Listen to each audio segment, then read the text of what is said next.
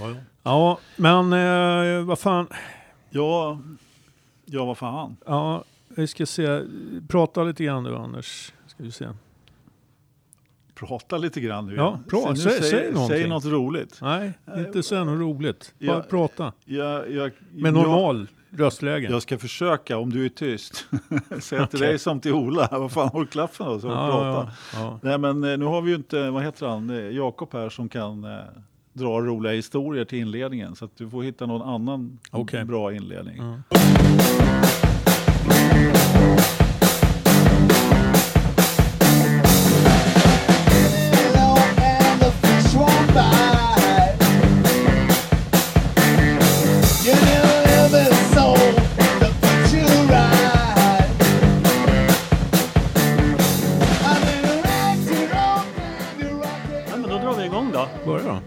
Avsnitt 19 av Forza Motorsportpodden är här.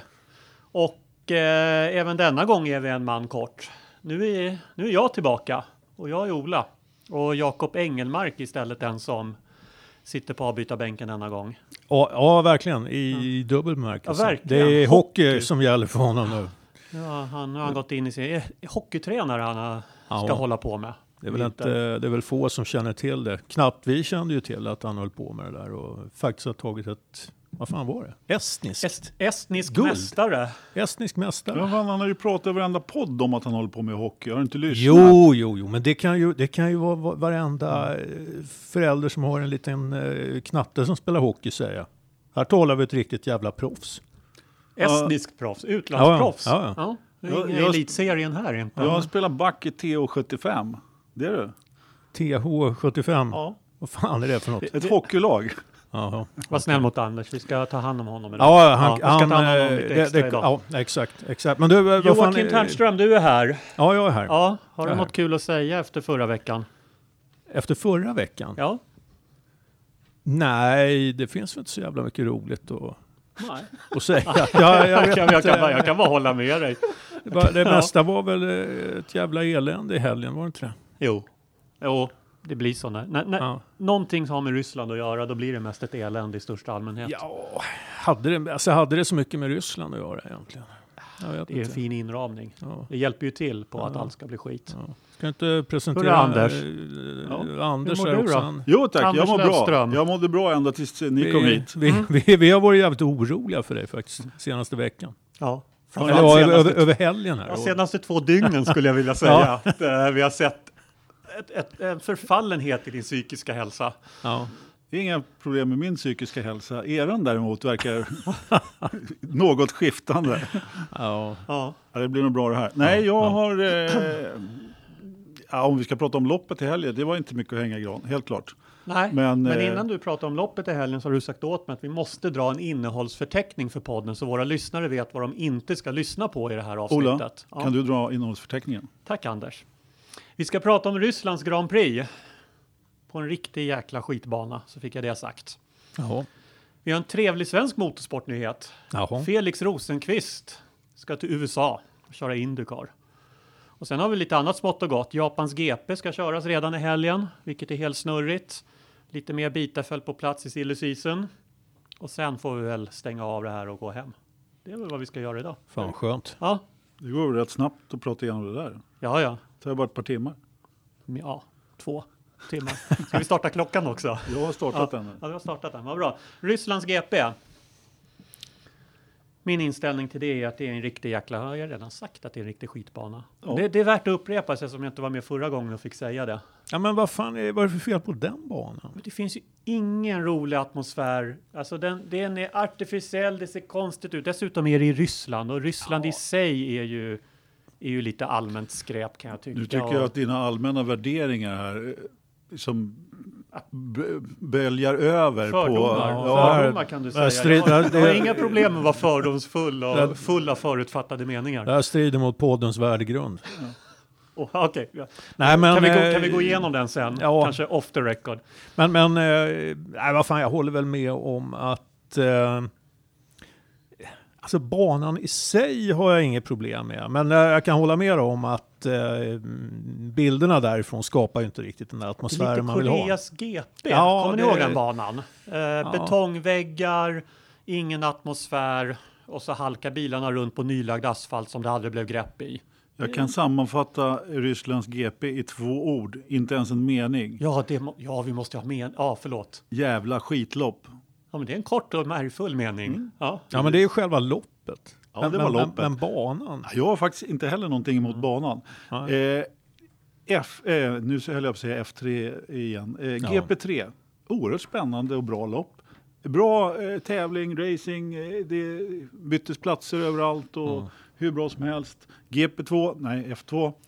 Hur intressant är det? Nu har ju de sitt reglemente. Jättebra racing, eh, massor med fighter och eh, bra omkörningar.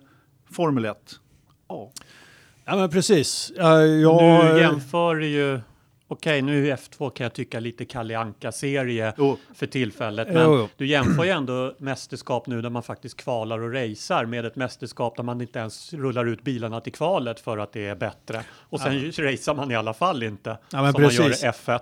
Problemen här eh, med, med att det var ett jävla tråkigt race har ju inte så mycket med banan att göra som F1 i sig, hur jävla illa det funkar. just det. Alltså där vi har, där vi har, eh, där man under racen ligger på varvtider långt ifrån eh, kvaltiderna. Och, och nu när det är kval, ja då åker man inte ens ut för att kvala. Nej. Det är ju, det är, det är för dåligt. För jävla dåligt. Ja, det är riktigt dåligt. Eh, ja, men lite poängen där faktiskt, att eh, banan är det nog egentligen inget fel på. Ja det tror jag inte. Det, går, det, det är en stadsbana där det går att Ja. köra om på. Ja, men precis. Och, och jag gillar ju den här långa rakan upp till eh, andra kurvan då, eller först, ja, första hur man nu vill ha det då, med Ja. slipstreamingen efter starten där, där det kan hända lite grann, vilket det gjorde i alla andra serier utom i Ja. F1. Och, Lå- Långa vänstern Ja. händer det lite i. ja, ja, men precis. Ja, Leclerc gjorde ju en hyfsad omkörning där. Det kan man säga. Ja. Eh, Men eh, jag sa i förra avsnittet av podden att jag tyckte att eh, nästa lopp var alltid bäst. Och du vet klagade på mig för att jag drog tråkiga klyschor eller vad du Ja. sa. Eller någonting. Visst hade du fel? Ja, det var fan fel. När ska, du är lära, när, när ska du lära dig att lyssna? Ja, jag vet inte. Det är inte min grej att, att lyssna på dig. Ja, jag har förstått det. Nej, precis. Nej, men det var inte, det var inte riktigt bra. Jag, jag får helt enkelt ta nya tag och, och hoppas på Spa, äh, Spanien. Nu. Ja, Anders, Ja, Anders Japan. nu, nu, hur mår du? Ja, ja men ni, ni, hör, ni hör att vi har problem Ja, med, med, med Anders här idag. Det, är- det, vi får... eh, Ja, nej, men det har, det, har varit lite, eh, det var lite mycket för honom den här helgen tror jag. Ja, det var lite mycket. Jag vet inte vilken enda vi ska... Ska vi börja med lite lätt med loppet? Jag tycker Det, det blev teamorder och nu är VM avgjort påstår väl vi allihopa. Det, det tror jag även Anders kan acceptera utan några större problem. Varför skulle jag inte acceptera det? Det är klart att det är avgjort. Jag har ju sagt att Mm. det varit avgjort i sju lopp snart. Eh, Ja. det, är ju, det var ju avgjort sen, eh, sen inledningen på säsongen när Lewis eh, liksom gled hem. Eh, in, liksom i första halvan där överhuvudtaget. Det är väl klart att det kan bli en eh, omsvängning igen. Men som Ferrari ser ut idag så, så eh, de, de darrar ju till hela tiden. De har ju ingenting Ja. att komma med när Mercedes väl. Ingenting, som, ingenting alls som går rätt i Ferrari. Nej. Att de skickar ut bilarna fel i träning, de skickar ut bilarna fel i kval, de missar att göra provstart i FP3 för de räknar fel på klockan. Vettel gör lite misstag här och där och gör inte han misstag, då är det teamet som gör något misstag med strategin eller däcksval eller någonting. Alltså det, det lirar inte. Nej, det gör ju inte det. Och känslan är väl lite grann att eh, eh, Mercedes och eh, i synnerhet Hamilton gör ju ett kanonjobb just nu. Men eh, det, är liksom, det är ju inte i det här läget som, som eh, Ferrari mer eller mindre ska kollapsa. Det är liksom som en ballong där luften har bara pysit ur alltihopa. Och lite sammanfaller det eh, med, eh, med, med att eh, Leclerc blev klar för Ferrari. Det sammanfaller i tid, det behöver inte ha något samband så. Eh, men det känns som att det är väldigt oroligt i, i Ferrari rent allmänt. Vettel verkar inte alls nöjd med det beslutet. Eh, Arrivabene ryktas vara på väg till Juventus. Och, så att det känns som att det är väldigt mycket fokus på eh, andra grejer än vad de egentligen skulle behöva ha fokus på. Sånt där tenderar att eh, spilla över och sippra ner i en organisation. Alltså, så det skulle inte förvåna mig om det, det finns ett samband där ändå. Ja, men så kan det ju vara. Nej, det känns ju som att eh, Arvia eh, har ju ändå varit den sammanhållande länken som har fått det där eh, stallet att funka här på sistone. Alltså, man har varit en klippa som har stått där och ändå eh, fått ihop stallet. Och nu, precis som du säger, så är det, eh, börjar det pysa ut i luften och det, man vet inte. Det är inte riktigt det där stadiga fundamentet att stå på längre utan det är Ja, men riktigt eh, oroligt. Och Ja. Dessutom så ryktas han vara på väg bort. Det kan ju mycket väl vara att han är på väg bort då, på grund av resultatet. Då, då. Så att, Det eller, eller Och- annan eh, politik som vet- har att göra med... ja, att han med, inte är nöjd med beslutet Ja. till Leclerc eller vad, vad det nu Ja. kan vara. Vi- Nu vet jag inte hur mycket ni läser italiensk media. Jag kan säga att jag läser ingen italiensk media, men man får ju viss indikation vad som skrivs i italiensk media om Ferrari via annan motorsportmedia. Ja. Att Ferrari blir ju otroligt starkt ifrågasatt, mer kanske än vad något annat team blir i någon annan media när det går dåligt. Hyllade när det går bra. Det är som det är på personnivå att Arrivabenes avgång till nästa race som Ferrari har gjort något misstag. Vettel bromsar på sig i Tyskland direkt ska få sparken.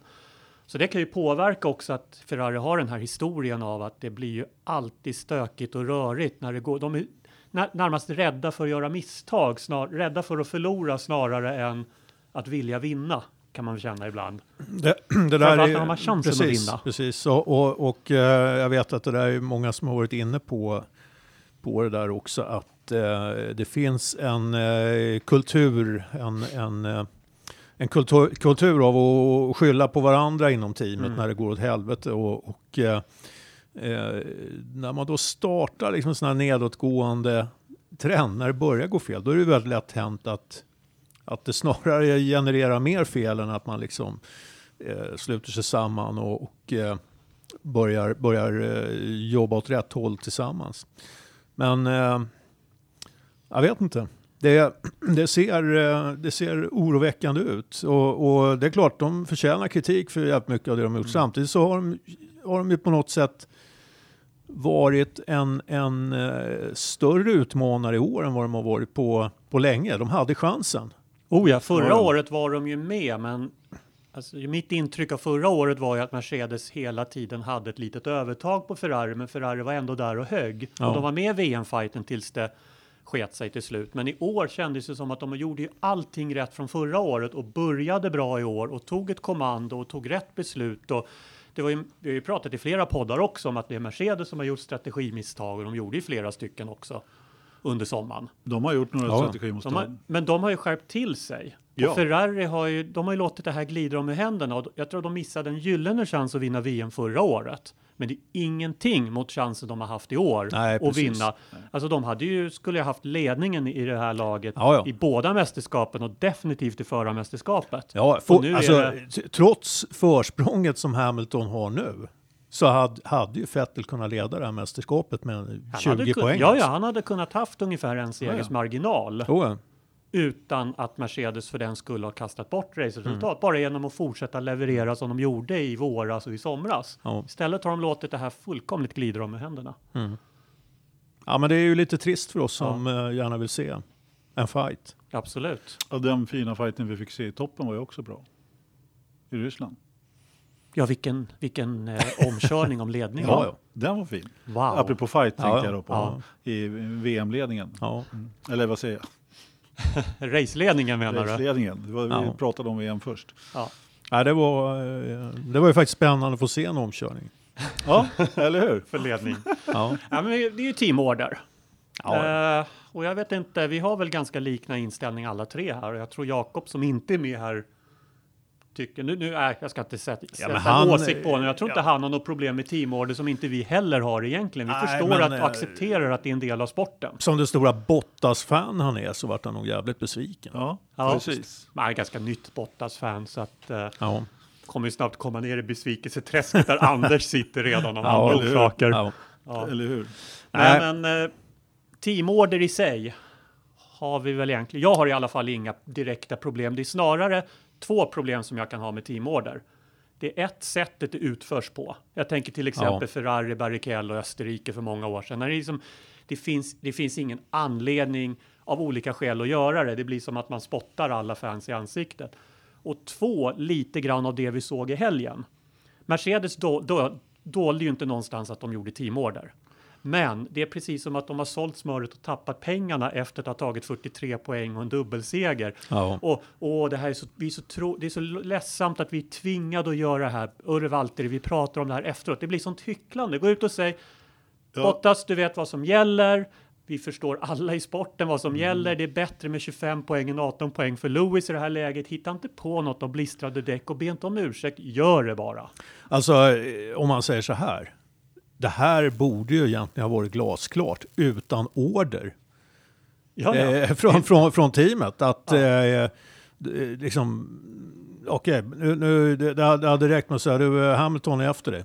Okej, då, då borde ju Bottas ha begripit att han skulle släppa förbi honom. Liksom. Och det hade ju också kunnat göras på ett bättre sätt. Sen hela det här snacket liksom, som de håller på med. Det var, var, först var det väl var, var det någon ingenjör där, sen kommer Toto Wolf ja in precis. och, och, och ska liksom hålla på och Ja, men det fanns ju en och, bedriva någon jävla terapi liksom u- under pågående tävling. Mm. Ja, men vad fan. Ja, Jag vet inte om ni inte har snappat upp samma sak som jag har gjort. Det var ju nämligen så att... Eh, vi brukar inte snappa upp Nej. samma saker. Nej, Nej, du ser, Nej. precis. Då kan jag få komma med något nytt här då. Så, Ja. så, I så fall, eller ja, så nytt är det ju inte. Det var, jag har ju läst det, på, läst det någonstans. Så att, eh, ja, men det var ju helt enkelt så att eh, Bottas hade ju då fått information innan loppet att om han ledde så skulle han få göra det i mål.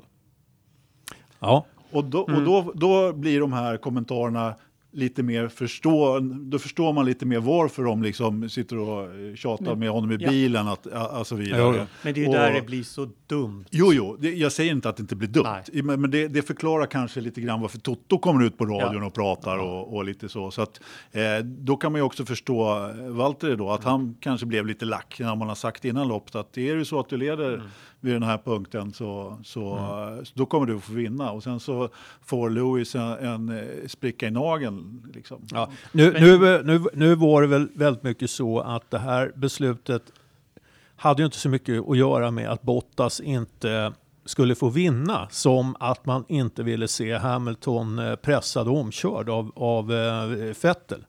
Så att det smarta var ju naturligtvis så att och, eh, släppa upp Hamilton i ledningen och så fick Bottas agera lite, lite broms. va? Ja, men det är väl klart. Och, och, men jag har ju förstått att just det där var ju ett scenario som Mercedes inte hade gått igenom på förhand. Nej, det var väl Eh, kanske det man ska ja. kritisera. Och de missade ju depåstoppet med, med Hamilton. va. Så att, eh, ja, just det, men, men, eh, men eh, Där fick vi ju se en omkörning förresten, den var rätt snygg. Mm. ja, Även om han då hade ganska bra, bättre, bättre med fart. Jag trodde det skulle ta längre tid innan han kom om faktiskt. Men, eh, jo.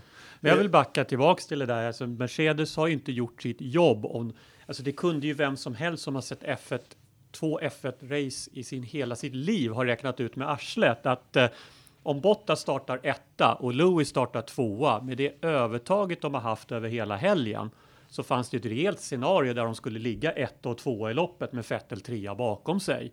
Och då är det, som, att man in, det är ju tjänstefel att i ett ra- pre-race-möte, ett strategimöte, inte ta upp att den här möjligheten finns. Vad gör vi åt det? ja, absolut. Och att då säga till Bottas, du kommer att få vinna ändå. Och sen ändå under loppet ändra sig. Alltså det är ju tjänstefel att inte ta upp det från början. Sen har jag full förståelse för att Bottas inte tycker det är kul. Nej, och nej. att man på något vis vill gå ut och trösta honom. Han är ju idrottsman som alla andra som vill vinna.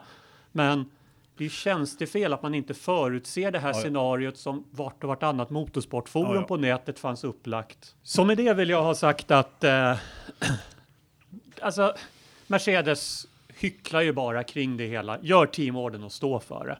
Sen Exakt. ska man väl inte Sen ska man väl inte säga åt vad förare i stridens hetta borde ha sagt och så vidare. Hela mitt liv är fullt av grejer jag kommer på efteråt. Det där skulle jag sagt egentligen. Men Bottas kan väl bara säga åt Toto när han går ut på radion att det eh, finns ingen anledning att prata om det här efteråt. Ser lite sur och moloken ut efteråt. Ja. Och fräs åt Toto på radion. Finns inget att snacka om. För det är ju verkligen, alltså det finns ju inget att snacka om med det här. Eh, Om man säger så här.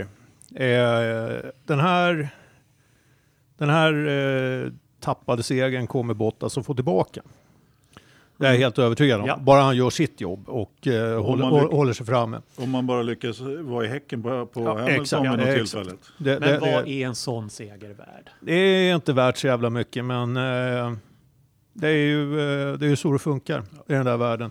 Men eh, att han eh, får spela den här wingman-rollen, han har ju kört till sig den positionen Bottas. Så att det, Ja, det ja. liksom finns ju ingenting att, att gnälla över. Det är klart Nej. att han ska vara förbannad och sur om han har någon eh, tävlingsinstinkt och vinnarskalle. Va? Så att eh, det här behöver, man behöver inte hålla på med det här Nej. psykologiserandet som, som eh, Mercedes eh, håller på med över, över radion. Det, det blir bara tramsigt. Men det är som att Mercedes själva skäms över att de gör någonting som jag tror de flesta fans faktiskt ändå accepterat finns i sporten.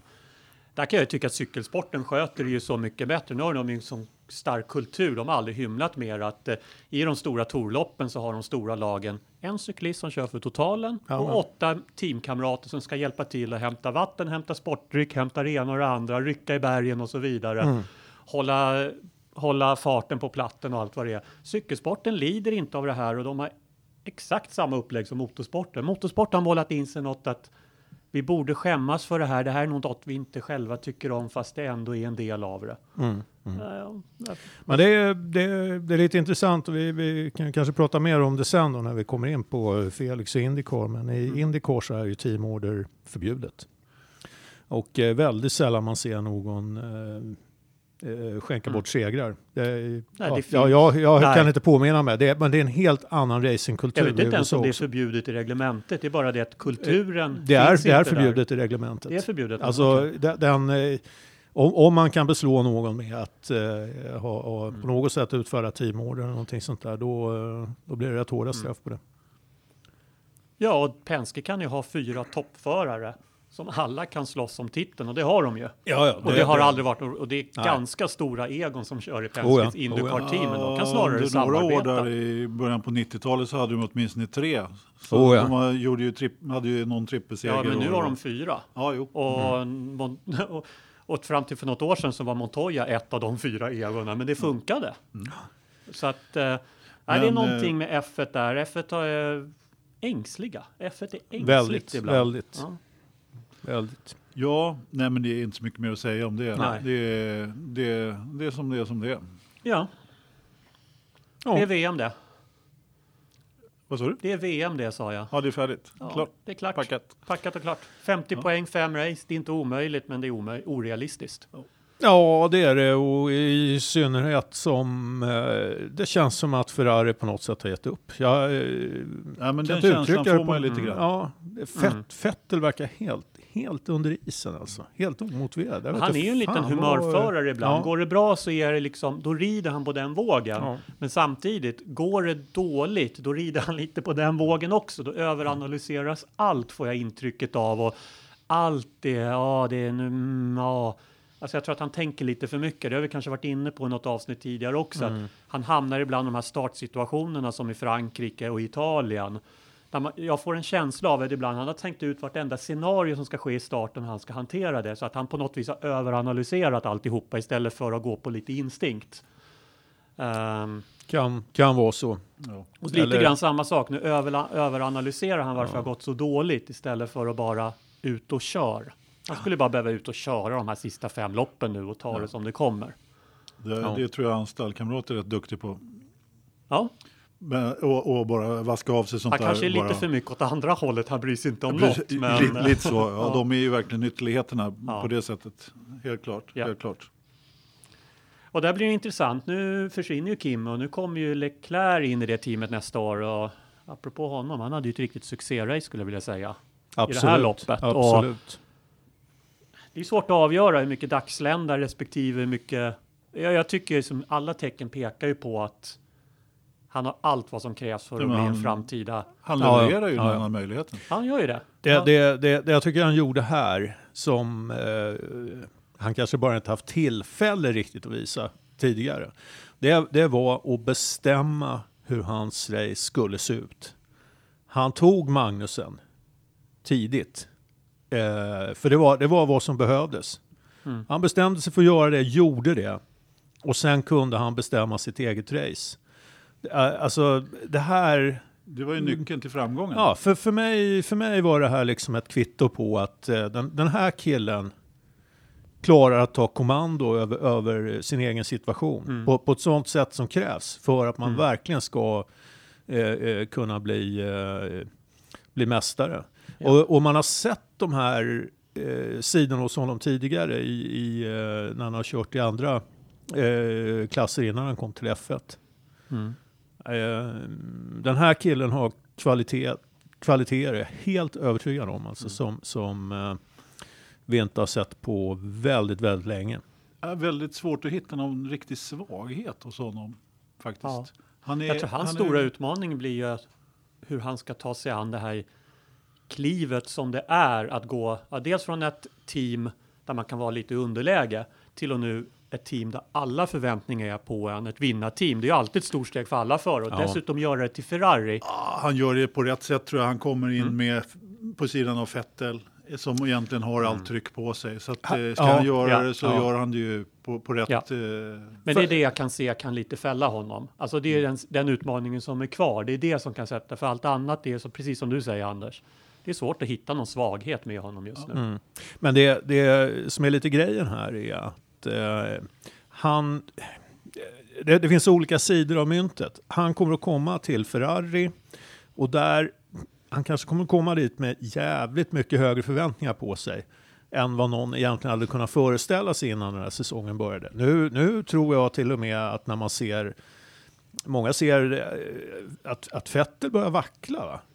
Så börjar man kanske ställa lite för höga förväntningar på, på Leclerc. Men å andra sidan, Leclerc, han kommer att komma in i en situation där han, eh, han har ju liksom ingenting att förlora. Han kan nästan bara vinna på att komma in i, i Ferrari. Får han stryk av Vettel, då är det förväntat. Spöar han Vettel, ja, då är det ju godnatt för Vettel och eh, då kommer allt fokus att riktas på Leclerc i framtiden. Ja, ja, så är det. Mm. Definitivt. Mm. Och det är kanske det som, eh, den vibben som Vettel känner, jag vet inte. Kan, det kan det vara. Mm. Det, så är det. Ja, men han blir ju av med en trygg livboj eller vad man ska Ja. säga i Kim. Han vet exakt vad han har Kim och de kommer bra överens. De åker till och från racen tillsammans. Alltså all, all trygghet finns ju där och nu kommer det in en osäker variabel i en tid där det finns all rätt att ifrågasätta Vettel. Oh ja. För jag tycker Oh ja. de senaste, den här säsongen och förra säsongen så finns det anledning. Nu är jag ett stort Vettel-fan. Uh, å andra Mm. sidan har historia av att fan av förare som man kan fråga sig varför i form av Hill och Montoya Ja. och Villeneuve och Lillövis och Villeneuve den äldre. Men i alla fall. Mm. Nu finns det anledning att ifrågasätta. Jag tror Vettel definitivt känner sig så ifrågasatt också. Ja. Och jag, Eh, och så kommer Leclerc in, ytterligare en trygg livboj. Nu kanske Oh ja. Varva Bene kanske är på väg bort. Det är också en livboj för Vettel. Mm. Har varit i alla fall. och eh, så finns det nog kanske också lite spöken från förr. Ricciardo Mm. kom in i Red Bull och, och, och spöade Vettel. Mm. Och eh, jag, menar, vi, jag tror vi kan vara ganska ense att eh, Vettels karriär kommer ju inte att klara att han får spö av Leclerc. Nej. Eh, då tror jag vi har sett det sista av eh, Vettel. Liksom. I, Det, det, I vart fall ska det bli väldigt intressant att se hur han i så fall hanterar det. Det blir det absolut. Det- Och vad han tar för beslut Ja. av det. För Ja, men jag det- trodde att Kimi skulle lägga av den här säsongen, men han kör Sauber. Det logiska är ju i så fall att Vettel lämnar F1. ja. Och är liksom, han, har sina, han har sin miljard och sin trygghet för framtiden och han har sina VM-titlar. Men Jag vet Ja. inte vad som driver Vettel faktiskt. Jag har inte riktigt Nej. eh, den kollen på honom. Eh, Kimi har vi ju upptäckt vad som driver honom. Det, eh, vi har ju trott att han ska lägga av allihopa i stort sett. Mm. Om, om en nästa säsong eller Mm. Ja, det visar sig att han ville fortsätta köra racerbil. Mm. Det, jag jag, tror- tror, inte att Vettel är likadan. Men jag tror det finns en likhet mellan Vettel och Kimi där Ja, faktiskt. kanske. Av vad jag har sett och hört och läst om honom är ju att han är ju en stor F1-nörd. Jo, Han är är ju så lika mycket F1-fans som vi och motorsportfans. Och det är ju precis som Kimmy.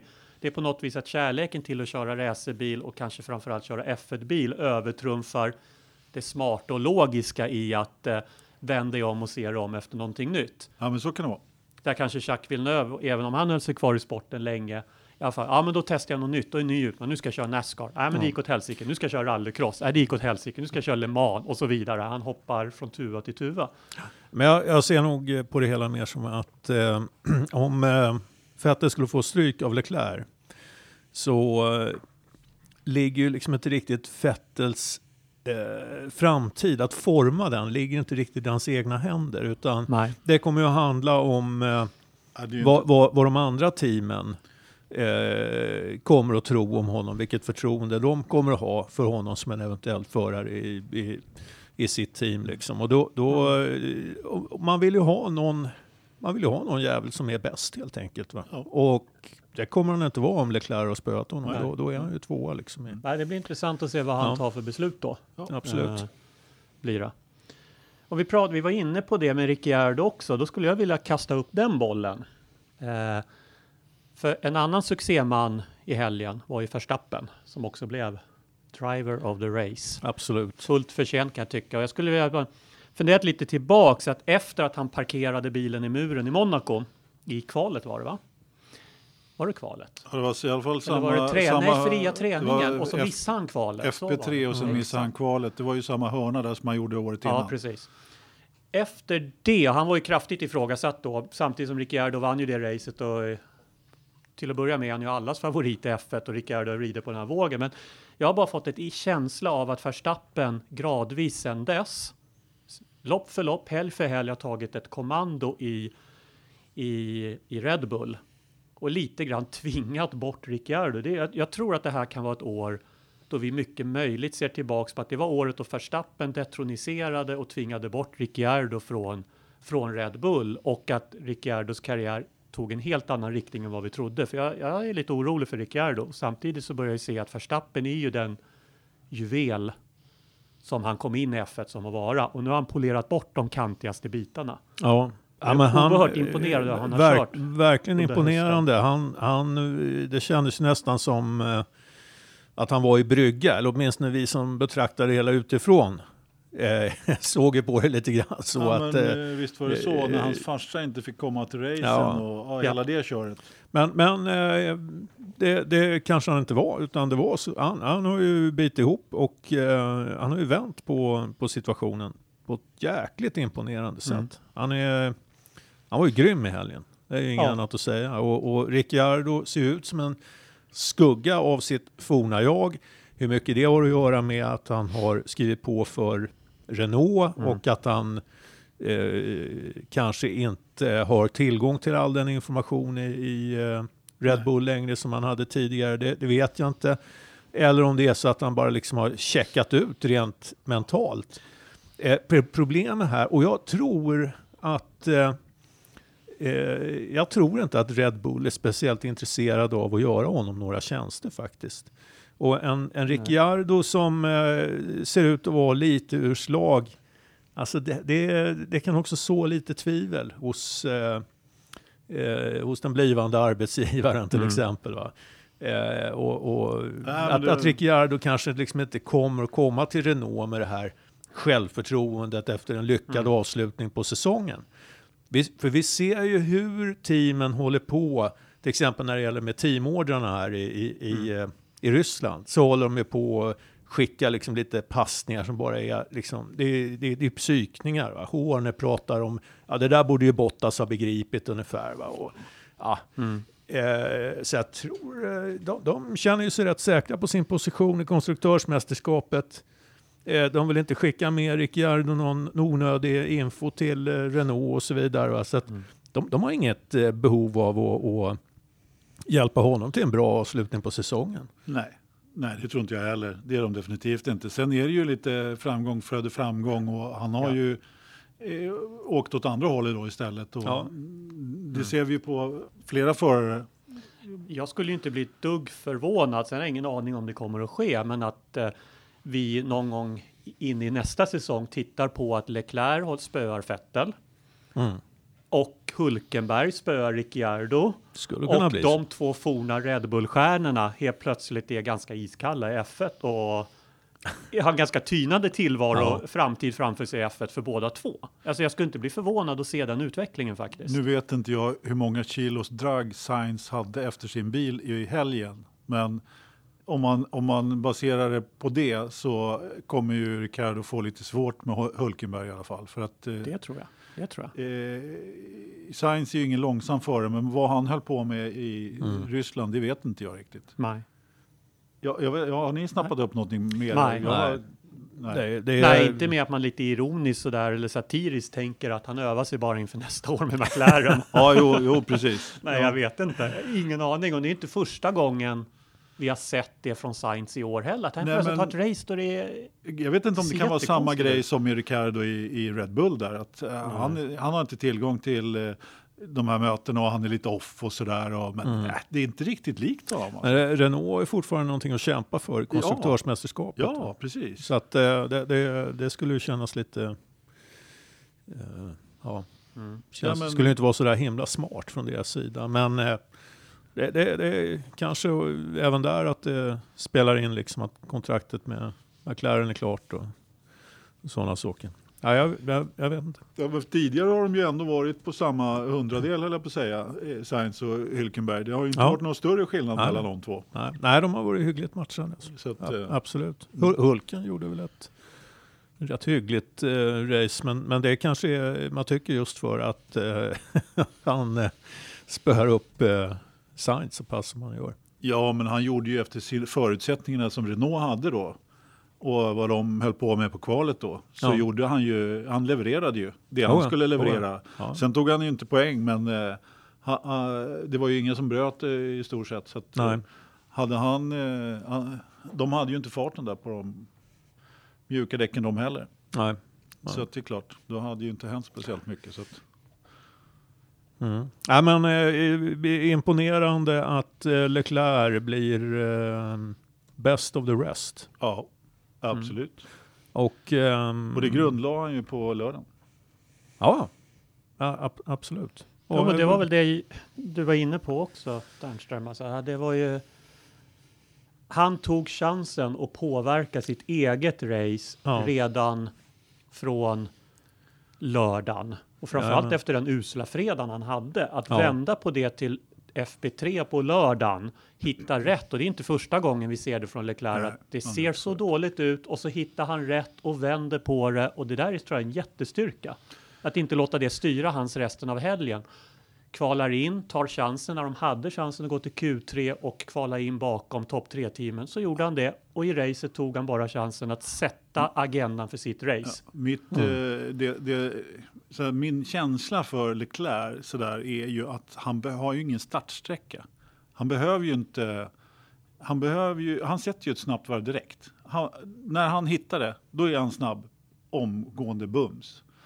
Så att säga. Sen kan ju han också be, behöva kanske två försök för att ko- komma till sitt allra bästa. Mm. Men han har inte den här marginalen som till exempel Eriksson behöver ha. Nej. nej. Eh, och sen kan man ju då fundera på vad, om Sauber bara har en eh, strateg, om det bara är Roots eller om de inte har någon Men ska på, vi, ta på, den, på ska vi ta den på en gång? Ja, vänta lite, Strategin ja. i helgen. Vänta lite. Ja. Ja, och, och jag menar om de bara har en på, på ena sidan där, för vad de höll på med på Marcus sida i, på kvalet, det undrar jag. ja. Väldigt mycket Ja. faktiskt. Jag, skulle, det, jag har inte sett något eh, svar efter. Jag lä, försökte läsa lite grann. Det var ingen som frågade Marcus. Liksom.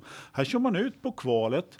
Eh, man är färdig för Q3 och lägger på ett set Hypersoft och släpper ut Marcus på banan. Och så gör han dessutom ett försök istället för att, okej om de bara vill vara ute på banan, om nu Renault i alla fall skulle komma ut, men de hade ju klivit ur bilarna. Ja, ja. Istället, ja men fan, kör in i depågatan igen då så hade du kunnat kö- gjort två försök i Q3. Så hade du... såg ju... Eh, jag trodde du menar strategin i racet. Så att, Ja, men okej. den kan vi Ja, komma ja. till. Ja, Men- men- kvalet men, eh, fattade inte jag heller. Det vi såg var ju att Mercedes gjorde en liknande grej med Hamilton. De skickade ut honom och så gjorde han två snabba sektorer och slog av i tredje men körde hela varvet. Jag tror Fett, Ferrari gjorde väl det också i Q2. Ja, det var ju för att de ville... Bara för att kolla av Vettel gick ju in i depå till och med, men Hamilton gjorde klart sitt varv. Ja, de hade ju Så- kvalat på Ultra, så de ville ju kolla att Hyper, att de kunde göra en bättre tid på Hyper inför Q3. Så var det ja. Ja, det stämmer. Ja. Var inte det en liknelse heller? Nej, för jag Men- förstår inte heller För- Q2 från Sauber där. För det är väl så här att, eh, eh, ja, om du har kvalat i Q3, du behöver ju inte starta på de däck du använder i Q2 då, eller hur? Jo, i Jo, racet. eller- jo. jo. Det, du Ja, sätter, det måste du göra. Ah, okej, det okej. du sätter din bäst... För de som går vidare till Q3 måste starta racet med den, det däck som de satte sin bästa tid i Q2 på. Ah, all right. okej, okej. Ja. Nej, för att annars de- hade det ju funnits en poäng i att de kanske hade eh, kunnat smälla på soft eller någonting Mm. på, på Marcus. Eh, Om man nu ändå skulle vara sist av de tio i Q3 liksom. Så. Ja, just det. Men, Men, eh, eh, nej, det, det nej, fanns nej, ju ingen som helst... Nej, alltså, Vad, vad håller de på med liksom? Och, och medans då nybörjaren Ja. på andra sidan garaget eh, sitter helt kolugn och där, där har de full kontroll, åtminstone som det verkar. Eh, och så, så, ja, då blev ju tidsskillnaden i Q3, måste jag bli, den blev ju dessutom enorm då när, när Marcus bara kunde göra sitt enda försök då, och inte hade några däck kvar. Han, han, han var den enda då som, som väntade. Då hade Ja. de ju lika gärna kunnat kört en Renault med, med honom. Jag tror ju inte att man vill förstöra för Marcus för att få Leclerc att se bättre ut som han gör här. Det finns ju konspirationsteorier som pekar på Jag tror inte det är därför. Jag kan inte förstå varför man gör så. Men, och nu spekulerar jag helt fritt utan egentligen tänkt efter, men det kan ju vara så att man har sån tilltro till Leclerc så man känner sig trygg och klar, men man är osäker på Marcus. Marcus kanske uttrycker en viss osäkerhet själv, jag har ingen aning. Men att det är anledningen till att man tar de här lite konstigare besluten på Marcus, att man hela tiden är, har inte lika stor tillit Men här eller fanns det tilltro. ju ingenting. Här var det ju, vi är Men klara för Q3, skickar ut bilen på banan. Liksom. Man kanske var rädd, ja, man kan, det kan ju bara vara en ärlig miss. Man var rädd för att Renault kanske är, i sista sekund skulle gå ut och göra ett försök om man ville gardera sig mot det och Marcus var den som låg risigast till för han hade ju tiondeplatsen och Ja, Nej, jag, vet det, inte. det är jättekonstigt Ja. ändå. Ja. Det kan mycket väl vara så att det är som ni säger, men det är väldigt märkligt att det då händer Marcus eh, när, när det sitter en oerfaren förare en- på ena sidan garaget och en som har kört fyra Mm. han säsonger var- i han stallet. var ju- så, så kan det ju vara väldigt märkligt att det, Mm. eh, att, att det händer där. Vad, liksom, vad är det som gör att, för det här är det som ni har varit inne på tidigare, det här har ju hänt förut. Och det kan mycket väl vara Ja, så att det är något... Eh, Just, just det en här... anledning eh, är att Marcus var tia och Charles, var det någon av Sauberförarna som var i fara av att bli utslagna från Q3 så var det ju Marcus, inte Leclerc, ifall Renault skulle ha gått ut och satt ett försök. Om, om vi förutsätter att man inte fattade att Renault inte skulle göra ett kvalförsök, man såg inte att förarna Ja, var ur men varför bilen. gjorde de då liksom sista, varför gjorde de då det snabba varv? Då hade de kunnat skicka honom på ett utvarv. För det, det var då såg alla att det var klart. Då hade Ja. de bara kunnat, så hade han haft ett sätt. Ja, men, eh, det, det, den här situationen eh, den var ju jättekonstig och svår att förstå. Och eh, det har varit väldigt många andra eh, strategibeslut på depåmuren som har varit svåra att förstå också. Kanske om man eh, då utgår från eh, eh, vad ska man säga, att Alltså, för, för grejen är, jag, jag, jag har varit inne på det förut och, och Ola upprepar det här också. Jag tror nämligen att Marcus blir lite ett offer för eh, konstiga strategiska beslut därför att man har inte fullt förtroende för hans speed.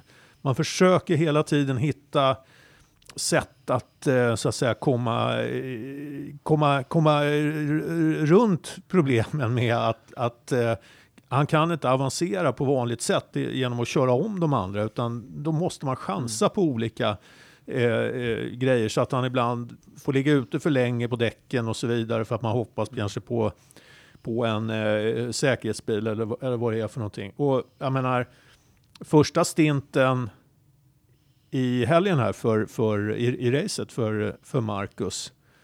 Eh, de, de två varven som han gör före sitt depåstopp, eh, jag menar, de är, de är obegripligt långsamma. Inte Och det är samma, samma scenario som egentligen var i, i Singapore. Får jag bara säga en annan sak innan vi går in på de varven, för jag misstänker att vi kommer att grotta ner oss lite i, i racet. Ja, Men bara, jag tror att du och jag uttrycker ju samma sak om att man kanske har, man är lite osäker, mer osäker på Marcus än vad som Charles. Och det kan också förklara Sauber som team är osäkra i de här situationerna. Så att man blir ännu mer säker på en förare som är lite mer tar kommandot och levererar Ja. och blir extra osäker på en förare som inte är som man är lite, alltså Sauber som team är också osäker i den här situationen. Man ifrågasätter allting man gör en extra gång och då kommer de här konstiga besluten. Så- och så de kommer framförallt på en förare man kanske inte har samma förtroende för Mm. som man har för Leclerc. För Leclerc har gått in och Visst, det kan, väl vara, det kan vara till viss del så Mm. kan det väl vara så. Eh, Samtidigt så känner de ju Marcus och de vet vad de får som man säger själv. Men jag tycker ändå att det är väldigt märkligt att i det här fallet så var det ju inte någon liksom, skillnad utan här var det bara ett klantigt beslut. Eller vad det nu var. Jag vet ju inte riktigt vad det var. Jo, och, Men- och, men och, och, ju något sånt kan ju inträffa under säsongen utan att det egentligen... Eh, alltså, Jo, men, för, för, förstår du? Jag menar, vi har en tendens att se alla deras andra beslut, för det känns nästan som att det är varje race. Jo. Som, som eh, eh, misstag, klantigheter och så vidare. Men man skulle kunna se det i ett annat sammanhang. Det är det jag tänker. Jo. Och- och- ja, men alltså jag är med på det. Jag, Ja. är för, jag är helt med på det. Men det som är skillnaden här är ju att det här inte är ens en liknande situation. Det är ett kval och ett stall har bestämt sig för att inte köra Q3. Jag menar för alla Ja, som stod och tittade så var det väldigt självklart vad som skulle göras i det fallet. Mm. Det var inte något svårt beslut. Det är klart att man kan ju liksom titta på om man ska ta, ta in en förare här eller om man ska ta in honom där. Då kanske inte vi har alla fakta och så vidare. Men det känns ju som att det fanns inte så mycket fakta här att, att lägga till. Utan en sida av garaget eh, fixar det här utan Ja. problem och det andra gör det inte. Och här, har, här, här står bilarna stilla, det har inte att göra med fart. Nej, men jag tycker att det är någonting som... Mm. Ja, jag visst, säger inte visst. att det är en, någon konspirationsteori, Nej. utan det är mer så att det är någonting som inte stämmer här. Ja, med, men med det sagt, vi, vi, har, vi har sett eh, större team än Sauber göra misstag som, som för oss som sitter i soffan, det har varit helt uppenbart att det här var ett felaktigt beslut innan de fattar det. Händer. Varför det hände i helgen, det vet vi ju inte liksom. Men, men, Nej, men, men eh, vi, det, visst är ja. det så. Visst är det så, definitivt. Men det här gjorde ju att hans lopp blev som det blev också. Så jag menar, det här, det här var ju anledningen till att det sket sig överhuvudtaget. Fast han startade ju fortfarande tia. Ja. Ja. Men så det är ju- det är och fortfarande Leclerc så- startade sjua va? Ja, och han plockade det var ju- Magnusen Ja. och, och kunde köra, he, liksom, he, han, Leclerc körde ju i stort sett hela loppet utan Mm. att ha någon, någon framför sig. Och gjorde, eh, kunde, precis som ni har sagt tidigare, han kunde ju styra sitt lopp. han såg till att inte ha någon Ja, framför sig. precis. Det var ju det han gjorde med, med sitt eh, fantastiska kval där på, på lördagen. Ja, ja, men det, det, Och- det, alltså, fan Marcus hade ju också, han satt, alltså, han satt ju också i en bil som hade samma kapacitet som Leclerc. Ja. Och det märktes inte i inledningen egentligen. Nej, vad skulle han göra? Han, han eh, satt ju bakom bilar hela tiden, så det är klart att han inte kunde göra det. Och det Ja, men ju, om, om, om Leclerc kunde ta sig om med Magnusen så, så eh, måste väl också Marcus ha kunnat passerat någon. ja, han lyckades ju ta sig om med Grosjean till slut. Det var ju bra jobbat. Visst. Men eh, sen de långsamma varven före depåstoppet, vad hände Ja, där? Ja, men, eh, om, man, om man ska säga så här. Eh, om, om man ska se det rent, eh, rent eh, sådär utifrån på Marcus, eh, på Marcus lopp i Sochi så var ju det, det var ju inte bra. Eh, men samtidigt så var det ju eh, lördagen som gjorde att, att det inte blev bättre än vad det var. Eftersom man, ha- och sen så hamnade han bakom eh, andra bilar och han, han kunde inte göra så mycket. Han, när han kom om Grosjean Eh, då var hans däck slut och då kan han inte sätta några snabba varvtider. Nej, vad skulle man ha gjort då? Jo, man skulle naturligtvis ha matchat honom mot eh, Grosjean i depån och det gjorde man inte. Och så kom han ut bakom Grosjean Fast- igen och så kom han Ja. och så, sen, så, sen så var i princip hans lopp kört eftersom han inte kom om Grosjean. Men varför kunde han inte Leclerc- matcha Grosjean under de där två varven? Alltså, Eh, hade, hade, hade, han, hade han kört på varvtider som inte ens var i närheten av, av eh, Leclerc så hade han ju klarat Grosjean. Ja, fast var det inte, tycker inte du att det är bättre då? Att eftersom han, han kunde ju inte göra det eftersom han legat bakom Leclerc och kört i princip eh, försökte köra om honom då. Och så när han väl kommer om så går Leclerc i depå. Vet Gro- du? Grosjean jag. Ja, Grosjean går i depå. Då, det är ju inte det en ganska... Så här, alltså, när man tävlar mot en annan Formel 1-förare, vad gör man då om, om föraren man tävlar emot går i depå? vet man med sig att man kan göra br- bra och snabba varvtider, ja, då håller man sig ute på banan. Vet man med sig att man inte kan göra snabba varvtider, ja, då går man i depå för att matcha Men- den ja. Men här kommer en annan aspekt Ja. in i det och det är ju att då får- många andra team väljer ju att föraren som kvalar först i teamet har första king på när han ska göra första depåstoppet. Så om det är snabbast att göra depåstopp tidigt, då är det han som gör. Och i det här fallet var, jag tror Sauber har samma taktik som de har hos Ferrari, Mercedes och alla andra team, att föraren som kvalar bäst har förtur på strategin. Ja, Precis som Mercedes gjorde med Bottas och Ja, Hamilton. men men då, då, då kan man ju fråga sig då, eh, ja, det, är det är ju inga hemligheter, så är det ju alltid. Att, att Mm. Nej. den som ligger först i banan får ju stanna först. Men om man har en förare, som i det här fallet, nu kommer jag inte ihåg, han låg väl sexa då eller något sånt där. Eh, de hade väl inte kommit upp än, eh, Red Bull-bilarna. Om man har en som ligger i fri luft och, har, och, och inte har behövt köra bakom någon och har hyfsat fräscha däck och kan fortfarande göra bra varvtider.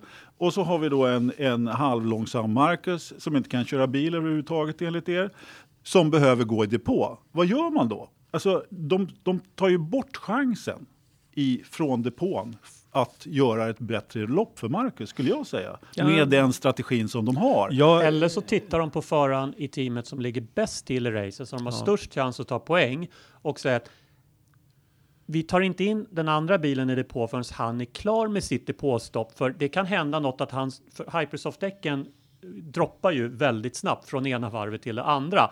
Så vi ser att liksom till och med ner på sektortiderna, när hans tid börjar droppa, då vill vi kunna plocka in honom. Då vill vi inte riskera att ha vår andra bil ståendes i depån. Nej. Så Marcus får vänta tills Leclerc är klar med sitt stopp, precis som Hamilton får vänta tills Bottas är klar med sitt stopp och Kim får vänta tills Sebastian är klar med sitt stopp. Ja, men då är man ju inte tillräckligt, eh, vad heter det, tillräckligt snabb och duktig i depån om man, om man eh, tar det beslutet och om man vill få, få upp båda bilarna. Utan då tittar man ju bara på en bil. Nu- och vilket ja. är precis min poäng lite grann. Att det är förmodligen det man har gjort i Sauber. under Men, eh, senare men alltså, det var ju ett ganska stort tidsskåp mellan eh, Leclerc och Marcus. Alltså de hade hunnit eh, ta in båda bilarna ja, på ett och samma Ja, varv. Om de hade, hade velat göra det. ja nu Det de är ju nästan 15 sekunder mellan. Men Nu samma gick varv, ju de, Leclerc in varv 10 och Eriksson varv 11. ja, de skulle inte ha tagit in Eriksson på varv, eh, på varv 10. Det hade ju inte hjälpt. Det är ju som sak i Singapore. Det hade ju varit, skulle ju vara fyra varv tidigare. Då skulle jag ha tagit in honom för att matcha Grosjean. Inte mot någon Mm. annan. Det, det, det är ju vem de, vem de tävlar emot här. Mm. Det är ju det som är själva... Alltså, eh, han tävlar ju inte mot Leclerc, han tävlar ju mot Grosjean. Men det är klart. Det är- Men eh, jag menar- ja, jag, jag vet inte. Det, är- jag menar, tog däcken slut så väl jäkligt klart de för gjorde. Han låg ju bakom och jagade Grosjean hela, hela Ja. tiden. Eh, många andra höll ju liv i sina däck. Eh, Inte Grosjean och inte eh, Längre. Eriksson. nej. Däremot Leclerc som då låg i friluft, han gjorde ju det. Det är Alltså, klassiskt. Om man tittar på varvtiderna så har ju Marcus i, för, Marcus i förhållande till de första nio varven han kör och vi räknar bort startvarvet. Så varv 9 eller varv 8 och varv 9 ligger han inte så långt ifrån. Alltså den ligger på det tempot han har haft de första 8-9 varven. Varv 10 dippar ju, varv 9 dippar det. Och eh, rejält och sen dippar det varv 10 när Leclerc går i depå och sen går han i depå varvet efter. Så fram till och med varv 8 så ligger Marcus på det tempot som han har legat på de första åtta varven. Ja. Alltså han ligger på han ligger på ganska jämna varvtider. Upp och ner lite grann, men han, Ja, Han ligger ju på Grosjeans varvtider. Ja, Ja, ja, inte men på alltså- någon annan. Så dessutom nej, när, så han när tappar varv- ju inte. när Han, han ligger på det tempot han har haft till och med varv 8. Sen tappar han på varv 9, varv 10 när Leclerc går i depå, varv 11 går han själv i depå. Så det är Ja, ett eh, varv. Och om man, Ja, då, om man då betänker då att, att eh, en, en av de en av Marcus kva- kvaliteter ska ju vara att han håller liv i däcken. Han ligger alltså på varvtider som är, vad är det, i snitt en och en halv sekund nästan från, eh, från Leclerc. Ja, ja, ja, jag vet inte. Ja, jag, den jag är inte jämförelsen så... är ju inte adekvat överhuvudtaget eftersom en förare ligger bakom en has och den andra kör i fri luft. Ja. Den jämförelsen finns ju inte överhuvudtaget. Den, Jag den tror är ju att- inte relevant överhuvudtaget, kan, jag, kan jag känna. Jag kan ju Däremot tycka är- det därför att Leclerc, Leclerc tar kommandot och ser till att skapa sig de förutsättningarna. Ja, ja, men det är ju fortfarande inte liksom en jämförelse om vem som kan köra bilen bäst på de däcken i de förutsättningarna. Nej, men det, menar, nej. det, det är ju inte relevant att att jämföra varvtider då. Däremot så kan det vara relevant att- eh, Leclerc har tagit kommandot i loppet. Jag menar, här är det ju bara så att eh, Marcus hamnar vet du, bakom Grosjean och ja, då får han köra i dem. Ja, men de han hade. Grosjean försvann framför honom. Alltså han, han eh, borde, det, det, Nej, jag kan inte se liksom att det inte skulle ha funnits möjlighet att eh, eh, vara lite snabbare på de där Ja, varven. han hade ju kunnat varit det på sina första varv på soft där om de bara hade tagit in honom på, på rätt ställe. Det är i alla fall min syn på det hela. Ja. Att, att om man hade matchat honom mot eh, Grosjean och plockat in honom före Leclerc då. Eh, för jag menar, det är ju inte så att det hade varit sämre för Leclerc. För han hade ju fortfarande banposition. Men hade man match, ja. matchat Marcus mot Grosjean, då hade han ju åtminstone kommit om honom. Eller han, hade varit, han var om honom. Han Har du vilket, vilket varv som Grosjean gick i depå? Jag tror att det var sju Mm. eller något sånt va? För jag tror att när vi närmade oss varv 8, varv 9 där, då var ju Grosjean, eller då var Leclerc så nära sitt depåstopp. Det var ett väldigt litet fönster för Sauber att säga vi tar in Marcus som ett svar på Grosjean, vilket jag fullständigt köper Anders. Om man hade raceat de två. Men man ville, jag tror att man, det var precis i depåfönstret för Leclerc också. Om man ville inte riskera i, i Leclercs position att helt plötsligt behöva ligga ett, tänk om han hade behövt komma in på varv 9. Jag tror inte man ville ta den risken. Alltså, för det, det var... var- så nära depåfönstret för båda förarna. Och hade Grosjean gått i depå på varv 6 eller något sånt där, då hade man kanske haft möjlighet att svara med Marcus och ändå inte förstöra depåfönstret för Leclerc. Men den marginalen hade man inte, eller så kanske man inte är tillräckligt snabba på att ta de besluten i Sauber. Men jag tror nästan inget team i den situationen vågar ta det beslutet så fort. Ja, Jag tror, jag tror inte man förväntade sig att Marcus skulle tappa de där sekunderna. Nej, för har han bromsats bakom Grosjean och Grosjean går in i depå, då har man ju kanske ett varv på sig eller två. Ja, de, har, de har en annan bil Ja. ute på banan som är o- trafik eller inte, men Jag Eh, tror att han blev eh, vet du, offer för det. Alltså, jag, Eh, jag menar, han Le, blev- ja, men Leclerc lyckades ta sig om Magnussen. Eh, och de eh, höll varvtider som, som Marcus inte var i närheten av. Jag tror att, att eh, Sauber inte hade räknat med att Marcus skulle tappa så pass mycket under de där varven. Det, det, det, Ja, det är ju bara- det är ju bara spekulation. Ja, ja, Det det är klart det är spekulationer. Men det är, väl, det är väl klart att det bästa hade ju varit om Marcus hade kommit eh, ut framför Grosjean. Då hade vi kunnat haft en jämförelse varvtidsmässigt. För han har han också haft fri luft förhoppningsvis. Eh, jag kommer inte ihåg vem som låg framför de två. Eh, det var väl Magnus ändå. Mm. Eh, då hade, så hade ju han kunnat fått eh, visas då. Men det, det spelar ju mindre Mm. roll tycker jag. Det, som, det jag tycker om loppet, jag tycker inte, ja, men det är ju inget att hymla om att det var inte en, ett av Marcus bästa lopp, absolut inte. Det var ju bara helt enkelt så att eh, jag tycker att de gjorde två strategimissar som hade kunnat gjort det bättre. De jobbade inte för båda bilarna i Sochi i loppet. Och klarar man inte av att göra en sån avancerad eh, eh, depåstrategi, då ska man ju inte ha det där jobbet. Jag har ju sagt hela tiden att jag ska... Okej. i- i- Fast- vet du, Om Grosjean går i depå varv 8, då vill de ju kasta in Marcus på varv 9. ja. Och vi vet att Leclerc gick i, i depå på varv 10, men det kan mycket väl Leclerc var i sitt depåfönster var. Kanske var att de såg att han hade börjat droppa. Då ville de kanske kunna slänga in Leclerc i depå redan på varv 9. Ja, och därför får Marcus vänta. Och varför får Ja. han göra det? För att han kvalade sämre och startade Ja, ja, sämre. Leclerc absolut. har prioritet. Det är det jag menar med prioriteten. Ja, det, det, det var för smalt fönster för att försöka trycka in båda på de två varven utan att kanske också ta en risk att förlora den ännu bättre positionen av de två. Jag menar att fönstret inte var för smalt. Mm. Jag menar att man hade gott om tid att ta in honom på varv 9. Men visst, jag inte om man ville låta varv 9 vara öppet men, för Leclerc. men visst, nej, jag köper det. Mm. Jag köper det, absolut. Men jag tycker fortfarande att det inte är optimalt. Nej, nej, och det, Nej, det jag menar det, jag tror som sagt eh, fortfarande i linje med det jag har trott förut. Marcus har blivit ett offer för dåliga strategier på grund av Ja, hade han varit snabbare så hade det ju varit mer fokus på honom. Liksom. Så kan det vara. Jag säger inte att det inte är så, men eh, jag tycker å andra sidan att man har sett en del misstag från, eh, som det här, i, framförallt på lördagen egentligen. Det här, det här går ju att diskutera, självklart, under loppet. Men Ja. det på lördagen tycker jag var lite Mm. Ja, mer. lördagen är jättemärklig. Den är- Kvalet det- på och lördagen jag tycker är att det konstigt. finns många, om man lägger ihop, så, Mm. som har blivit så. Men, men, så är det. Eh, ja, vi har väl utrett det där rätt rejält. Inter interventionen är klar. Ja, jag vet inte, lyckades vi? Fan, jag tycker det Inte känns som, det eh, minsta. Tycker det känns som kommer vi Anders fortfarande är, befinner sig i ett kraftigt Men sen när beroende. har Men den det- här samlingen av lösa podd F1-fans någonsin varit överens om någonting när det gäller Det är motorsport? inte meningen att vi ska vara Men det är Nej, också exakt. så här att jag har aldrig hävdat att Marcus är vet du, Guds gåva till racingen som ni påstår att jag har gjort och sagt att han har Nej, varit det var- mästerlig nej. i GP2 och allt vad det är för någonting ni häver Jaha. ur er. Men däremot så försvarar jag honom på ett helt annat sätt än vad ni gör i vissa lägen som Ja. ni, du, trogna lyssnare säkert har uppmärksammat. Ja. Ja, men och det, det är lite intressant och märkligt. Ja, jag tycker också, jag tycker också Ja. att du är lite intressant och märklig. nej, men, eh, nej men vad fan, eh, normalt sett så... Eh, nej men det känns inget bra att sitta och eh, leta efter fel. Men fan, jag letar efter förklaringar när, den, när en förare som jag faktiskt håller på inte lyckas prestera liksom. Ja, men det, det kan jag faktiskt tycka att du letar efter fel och inte förklaringar. Lite grann.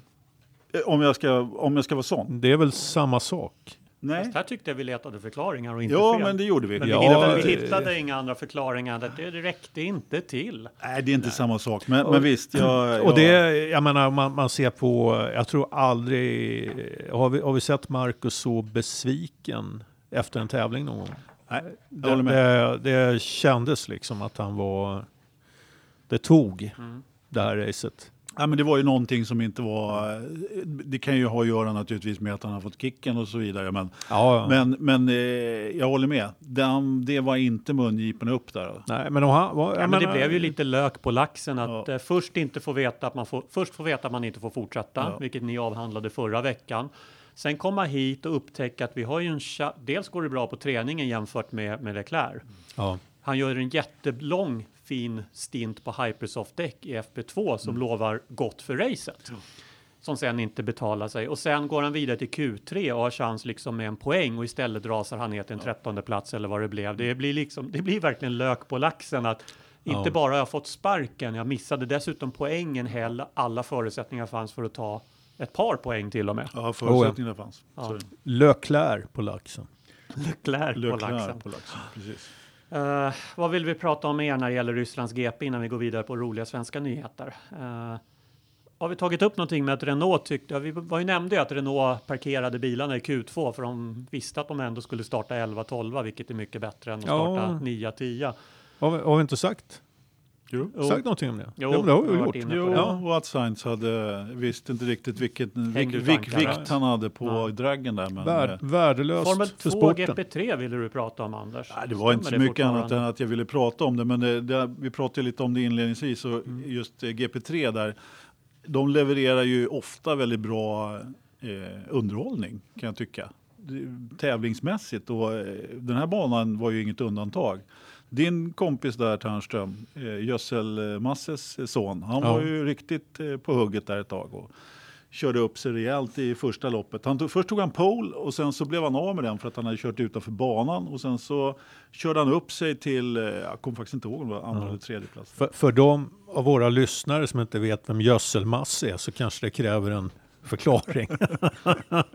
Mazepin. Mazepin. Hans, eh, eh, vad heter eh, sonen? Eh, Nikita. Nej, nej, nej, han heter Latifi i Ja, efternamn. jaha. Vad fan heter han? Nikola Latifi, gör han inte det? Ja, eh, ja men eh, Mazepin. Eh, Ja, gubben Mazepin. ja, Ja, men honom kallar vi för gödselmasse. ja jo, det blir precis. väl enklast ja, ja, men sonen i alla fall. Jag har Ja. glömt bort vad han heter. I, i, Gödselmasses grabb. Ja, precis. I, i förnamn. Ja, pappa där, han är ju en gödselspridare då. Ja. Det är Ja, han som ville köpa Force India men han inte som fick. vill eh, köpa Force India. Ural Kali står det på bilen där. Eh, Ja. Och eh, jo, nej men det var... oh, Man ska titta lite på GP3 tycker jag för att få se bra tävlingar överhuvudtaget. De är, och så kan man ju få se lite gamla trevliga namn där som Piqué och Alesi och... Eh, Åh Ja, herregud. en, Ja. hel, en hel eh, kull till med, med är det barnbarn nu vi, vi ser? ja, det måste vara det. Det måste vara det. Fan ska det sluta någonstans? Alesi, han sjönk som en sten genom det där fältet kan jag säga, på först, om det var, kanske var andra loppet i Ja. alla fall. Han hade ingen bra helg i Ryssland. Jag vet inte riktigt vad, vad han höll Nej, på men det är med en faktiskt. skitbana det där, den här banan i Ja. Sochi. En Ja. riktig skitbana. Nej men han eh, känns väl lite grann som, eh, han är väl lika lovande som farsan var en gång i Nej, tiden. han är inte i Farsan var ju bra i juniorkategorierna och sen blev det inte som man hade tänkt sig i F1. Nej. Kanske annorlunda för Nej. grabben, en kass i Ja. juniorkategorierna. Alltså så grabben, en han gör ju F1. ingenting. Han kör ju stabilt och lugnt och det händer ju ingenting när han är ute och kör. Jag vet inte vad han håller på med egentligen. Jag vet inte, det måste vara en bortbyting det där. Ja det är, det är visst. Det skulle det kunna vara. Man, man begär ett faderskapstest där kanske. Så reda ut vem fan det är. Så visar det sig att det är Allan Prosts son Ja, istället. Till och med, vad heter hon, Eh, Calderon gjorde ju ett hyfsat lopp där också i GP3. Det var ju på tiden. Ja. Gjorde lite tuffa omkörningar på stallkamraten där och höll på. Mm, mm. Nej men visst, det är, det är hygglig underhållning i de där klasserna. Det är det ju absolut. Ja, Sen, eh, vad annars då? Formel 2. Eh, Russell lyckades inte riktigt säkra mästerskapet, men Norris lyckades ju kasta bort sig själv från titelfighten. eller han och teamet. Det var ju där, där är ju en liten Ferrari och Vettel. Först gör teamet misstag, sen gör föraren misstag och tillsammans missar de en titelfight. Jag vet inte om han var bara jättenervös eller var, han körde in i fel depåbox. Fast han Ja, stannade ju knappt där. Men vad gjorde teamet i depåstoppet sen som inte fick på hjulet? Det var ju Jag helt vet, inte om det var, jag, vet, jag vet inte riktigt om det var en förlängning av att han inte kom in rätt i depån där, men... eh, Jag tror inte det. Jag tror att nej. det var ett teammisstag Ja, det var i ju också. feature-racet. Att, Ja, det var det ju eh, också. ja. Det var det ju också. Men det såg helt sjukt ut när han Ja. kom in brakarna där överhuvudtaget. Så. Nej, men han, han, han var ju ingenstans i helgen överhuvudtaget. Kan, kan det vara eh, även där lite grann att eh, kontraktet är klart? Ja, Ja, kanske det. nu är fokus på nästa Så, år. Ja, ja precis. Vik Ja. Viktigare än den här Formel 2-titeln är att se till att vara förberedd för nästa år. Och han han eh, körde väl FP1 också? Ja. F1 där? Så Ja, att, det det, gjorde det, han. det han kan ju vara lite väl splittrad. Det var flera förare som körde FP1 som sa att de hade problem när de hoppade tillbaka till Ja. eh, F2 faktiskt. Och nu Eh, kvalade ju Norris bra. Ja, Gjorde han ju. Ja, men precis. Han- Men när, när de körde Mm. efter eh, så tog det en stund innan de kom tillbaka till, eh, till farten i F2 faktiskt. Mm. Markelov eh, körde väl FP1 också? Just det, var Ja. honom jag tänkte Ja. på, Marklov där. Mm. Han var ju ingenstans. Han kvalade ju, jag tror han var näst sist eller något Ja. sånt där. Eh, och startade jättelångt bak och gjorde ju en av sina uppkörningar då, då men eh, nu, apropå på, på reglementet och alltså de här däcken i F2 Mm. håller ju fyra varv eller? Var det? Fyra eller sex? Ja, det mjukaste av Ja, dem. det, ja, ja, det var ju ett skämt. Ja, det var men ett ett riktigt skämt. skämt. Verkligen. Ja, De har haft mycket problem i den klassen. Ja, ja, ja, från början då så var det ju Ja. bilarna som inte startade. Det var men ju, precis. Nej, de måste, ja, jag känner att de behöver göra någonting åt den Ja. klassen för att det inte ska bli, för nu har det ju verkligen varit, det är ju ingen idé att gå till den klassen. Det är kanske lika Mm. bra att hoppa över eh, Ja, och köra, gå direkt in i F1. Då. Ja. Jag måste bara säga att jag tycker att vi har en väldigt bra kommentator i F2 på, på Viasat Jag skulle just ta upp det. Jag skulle just ta upp det. Han är ju oerhört eh, Pudel. i- intressant, intressanta saker. Han, han jämförde då de här eh, mjuka däcken med sockerplast till exempel. Det tycker jag var väldigt fint gjort. Mm. Han hade Ja, mycket ja. bra att säga där. det fan, du gör, gör en hel omvändning här. Ja. Ja, det är väl klart. Det var väl inte sämre än att man kan ändra sig. men det gick jävligt, jävligt fort för att sen, ändra. har- Det sen, ju du, sen har du aldrig ändrat dig, det är en sak. Men jag är jag, bättre. är- fan, jag, jag, jag är Finns- en ödmjuk kille. finns hopp för Anders. Vår intervention är på väg att lyckas. Ja, ja. Nej, men, eh, ja, nej, men Robin Nilsson där.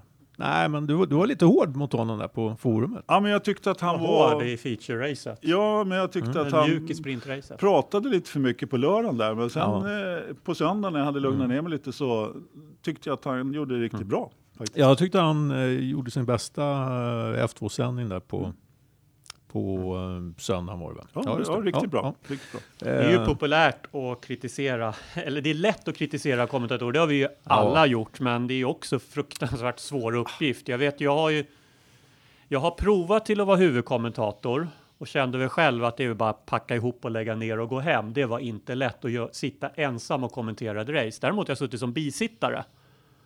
Och det är en helt annan roll. Ja. Den, är, den, är, den är rolig och eh, Men att sköta en kommentering ensam dessutom för ett race, det är inte lätt. Det är alltid lättare att luta sig på någon. Det är ju som när vi Ja. sitter här och jag, det är alltid någon jäkel som pratar liksom. Ja. Det är, åtminstone i det här sällskapet. Nej, men eh, det, det är tystnad väl... eh, Mm. Det, det, jag har ju också eh, hållit på och fuskat med det där och, och kommenterat på. Anders sa att du var kass. Ja, Det sa jag inte alls. SVT och eh, vad fan var Eftersom det? jag satt bredvid. Ja, nej men, eh, och, och jag vill inte alls... Eh, jag, jag, jag försökte göra så habilt jobb som möjligt och vet att jag inte liksom var kanske som klippt och skuren för uppgiften. Va? Men oerhört svårt skulle jag vilja säga att det är. Alltså man måste vara nog otroligt jävla förberedd och när man går i sändning så finns det liksom ingen, det finns ingenstans att, att ta vägen liksom. Nej, det är det- bara att hålla igång. Det är ingenstans att gömma sig. Och, och, och eh, alltså, det är jättelätt och, och, och, och kanske eh, man, man för in ett fel i sändningen också och sen så, sen så upptäcker man inte det eh, för, förrän målflaggen har gått. Va? Nej, Eh. Nu råkade inte jag ut för det, eh, mig veteligen liksom. Men, men det, det, det ställer ena jävla krav på en. Så att, eh, att sitta där och snacka och få snacket att flyta och allting sånt när man har alla de här grejerna och, och, och ta hand om. Du ska se vad som händer på skärmen. Du har en, en, en skärm med live-timing vid sidan av. Ja, men det, är, det, det är en multitasking-förmåga som, eh, som krävs när det gäller det där. Jag tror eh, Ro, Robin kommer att bli bra på det där. Och, Ola och jag känner ju honom från eh, STCC där han har varit eh, eh, depåspeaker. Mm. Killen är enormt kunnig. Ja, det är, Eh, och och eh, när, när han hittar sin eh, rätta ton och, och, och sin röst i det här så tror jag han kommer att bli jävligt bra. ja, det blir säkert bra. Alla gånger. All- Jag satt ju bredvid dig där när du kommenterade karta och kan ju, då lyssnade jag inte så mycket på vad du sa. Nej. att, eh, jag, jag kan inte såga dig för din kommentering eftersom jag satt och lyssnade på de amerikanska kommentatorerna och Ja, just det. hosta till lite om det skulle komma någon intressant intervju. Sådär. Men Mm. det, var, det var väldigt spännande då. Vi hade ju några trevliga bisittare där också. Ja, men absolut. Men eh, det jag skulle säga var i alla fall att eh, man, vi är ju rätt bortskämda med en väldigt bra kommentator i Formel 1, skulle jag säga. Ja, men så är det. Mm. Och, och det är klart att då drar man måttstocken efter honom på något sätt. Och det, han är ju grym faktiskt, tycker jag. Jag tycker han är riktigt, Mm. riktigt bra. Ja, ja. Eh, och Ja, det är lite som, jag vet inte, vi sa vid något annat tillfälle, liksom, det är bara att vrida upp honom på något sätt så pratar han i två timmar. Mm. Och, och för det mesta är det väldigt bra, det, det han säger. Ja, ja. Nej, men ni- nivån eh, är enormt hög. Ja, Där skulle jag vilja säga. Och, eh, eh, motorsport är så jävla specialiserat också. Så att hitta någon som kan, kan det här och kan kommentera, Ja. prata. Mm. Det är Visst. fan inte lätt nej, alltså. nej, det är inte. Så att eh, ge Robin en chans skulle jag vilja säga. Och låt honom eh, utvecklas. Eh, leverera lite konstruktiv kritik. Så kommer vi ha en kanonkommentator. Kanske i, eh, som är, är redo att ta över efter Blomman när han känner att det är dags att, att pensionera sig. Han kommer aldrig gå i pension. Förmodligen inte. Det är väl en blivande, vad fan hette han? Ah, ah. Engelsmannen? Ja, eh, Murray. Walker. Murray Ja, Walker. Murray Walker, precis. Ja, Ja, han höll ju på till över 80. Så att, Mm. ja. Innan de rullade ut honom. Ja, nu, får du sluta. ja, precis, ungefär, ungefär så. Nej, men eh, jag har ju inte provat på att kommentera själv. Robin kom ju med någon inbjudan så att eh, jag väntar fortfarande på och, ja, var jag ska inställa mig någonstans. Men så har ni några kommentatorsjobb så är det bara att hojta till. Ja. Hörrni ni, eh, vi har en annan grej. Mm. Stefan Johansson, Fredrik Ekblom, Kenny Bräck, Björn Wirdheim. Fredrik, sa du Fredrik? Ja, det gjorde du. Ska jag ta det igen? Stefan Johansson, Fredrik Ekblom, Kenny Bräck, Björn Wirdheim. Han var tvåa på listan där, precis. Jajamän. Du glömde honom här innan. det var därför. innan vi Ja. satte igång så hade jag glömt att lägga in, in honom i, i den tidsaxeln som nu vi kan lägga till ett namn till. Jätteroligt. Felix Rosenqvist är vår femte svensk som ska köra Indycar. När fan blev han inte sjätte? Räkna igen. Johansson, Ekblom, Bräck, Wirdheim. Ja, det- känns ja, det är fem. har glömt någon. Det är fem. Ja. Nej, Fredrik Larsson körde han någon gång? Nej. Nej, nej. han körde, nej. bara, han han körde körde Indy Lights. Alex bara. Mm. Danielsson testade men tävlade aldrig. Vad jag vet. Wirdheim tävlade ju men avbröt efter några lopp. Ja, han körde, väl- körde han inte en, körde han en hel säsong? säsong och Gick lite inget till? bra i alla fall. Nej. Och så åkte han till Japan och blev proffs där och nu har vi Felix Rosenqvist som har fått en av toppsitsarna i serien. Blir teamkamrat med femfaldige, femfaldige Indycar-mästaren och regerande Indycar-mästaren Scott Dixon i Chip Ganassi. Och Stefan Johansson som vi precis nämnde också har två förare han är manager för i samma stall. Absolut. Det är fantastiskt. Det här alltså, är den roligaste svenska motorsportnyheten på väldigt länge skulle Ja. jag vilja påstå. Fe- Felix ehm, har ju imponerat något enormt tycker jag under sin eh, karriär. När han väl eh, kopplade greppet om F3 där så, så eh, har han liksom gång efter annan visat att han kan leverera direkt när han sätter sig i en biljäkel. Och det är ju precis det som han har gjort som har imponerat på Ganassi också de två gånger han har testat. Eh, de var ju oerhört imponerade av honom. Och, eh, vilket inte förvånar mig. Killen, eh, killen känns eh, relativt eh, komplett. Och eh, jag tror att vi definitivt kommer att få se honom i toppen. Ovalbanorna behöver han förmodligen ha lite tid på sig och, och Mm. klura ut Ja. hur det funkar. Va? Men annars så helt övertygad om att han kommer att vara med där uppe. Ja, han har ju fått bra förutsättningar också med, med Ganassi som har kört med två bilar i år. Uh, för mig att de körde med fyra bilar året innan och då var det väl egentligen två bilar som kändes som huvudbilar i det teamet och så var det väl två som togs in lite extra, med lite extra budget. Med det vill jag ha sagt att uh, Felix har fått en riktigt bra chans. Det är oavsett vad Ganassi-teamet gör i övrigt nästa år så är det två huvudbilar och det är Scott Dixon och Felix Rosenqvist.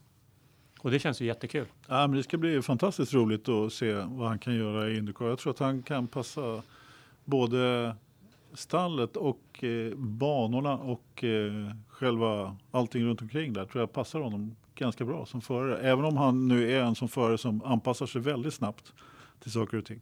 Han hade som Ternström var inne på en liten längre startsträcka att komma in på ovalen när han var och körde Indy Lights. Men ja, det kanske inte är så där jättekonstigt. Eh, Men han, han tog ändå ett par segrar där. Det har ju alla som kommer från den europeiska sidan av racingen när de ska, ska in på ovalen. Det tar ju lite tid att komma igång och även om Alonso gjorde det bra i Indy 500 så tror jag det är ingen Indy 500 rookie som har haft en hel Indianapolis Motor Speedway för sig själv i tre dagar Nej, för att köra på.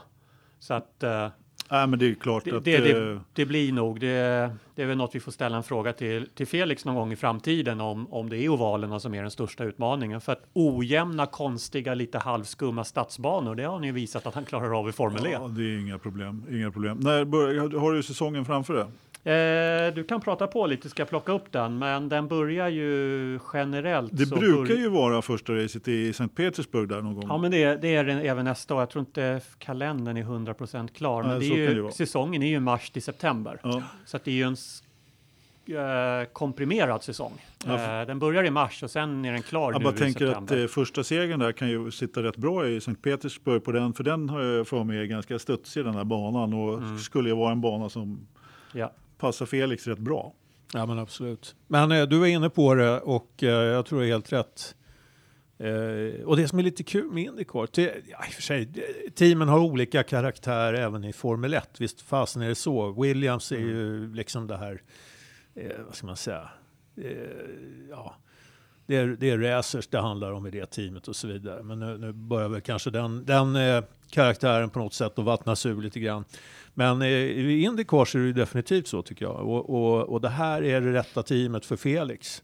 Och jag tror att den amerikanska publiken kommer också att gilla honom. Liksom, För att han är den här karaktären av förare som, som går hem. Alltså de här som eh, ja, har, har en bakgrund där de har kört eh, lite allt möjligt. Va? Och, och, och sånt där eh, imponerar. Alltså han, är, han är en racerförare, en riktig racerförare på något sätt i deras ögon. Och, och eh, Ganassi är ju också, eh, har ju också en speciell karaktär som gör att jag tror att de, de, de eh, kommer att trivas bra tillsammans. Jag tror också det. Och sen att få köra med Scott Dixon, snacka om värdemätare alltså. Ja. Och samtidigt en av de förarna som verkar vara lättast att komma överens med även som teamkamrat. Eh, han har ju en lång rad av teamkamrater bakom sig som han har fightats med titeln om och som är bästa kompisar med.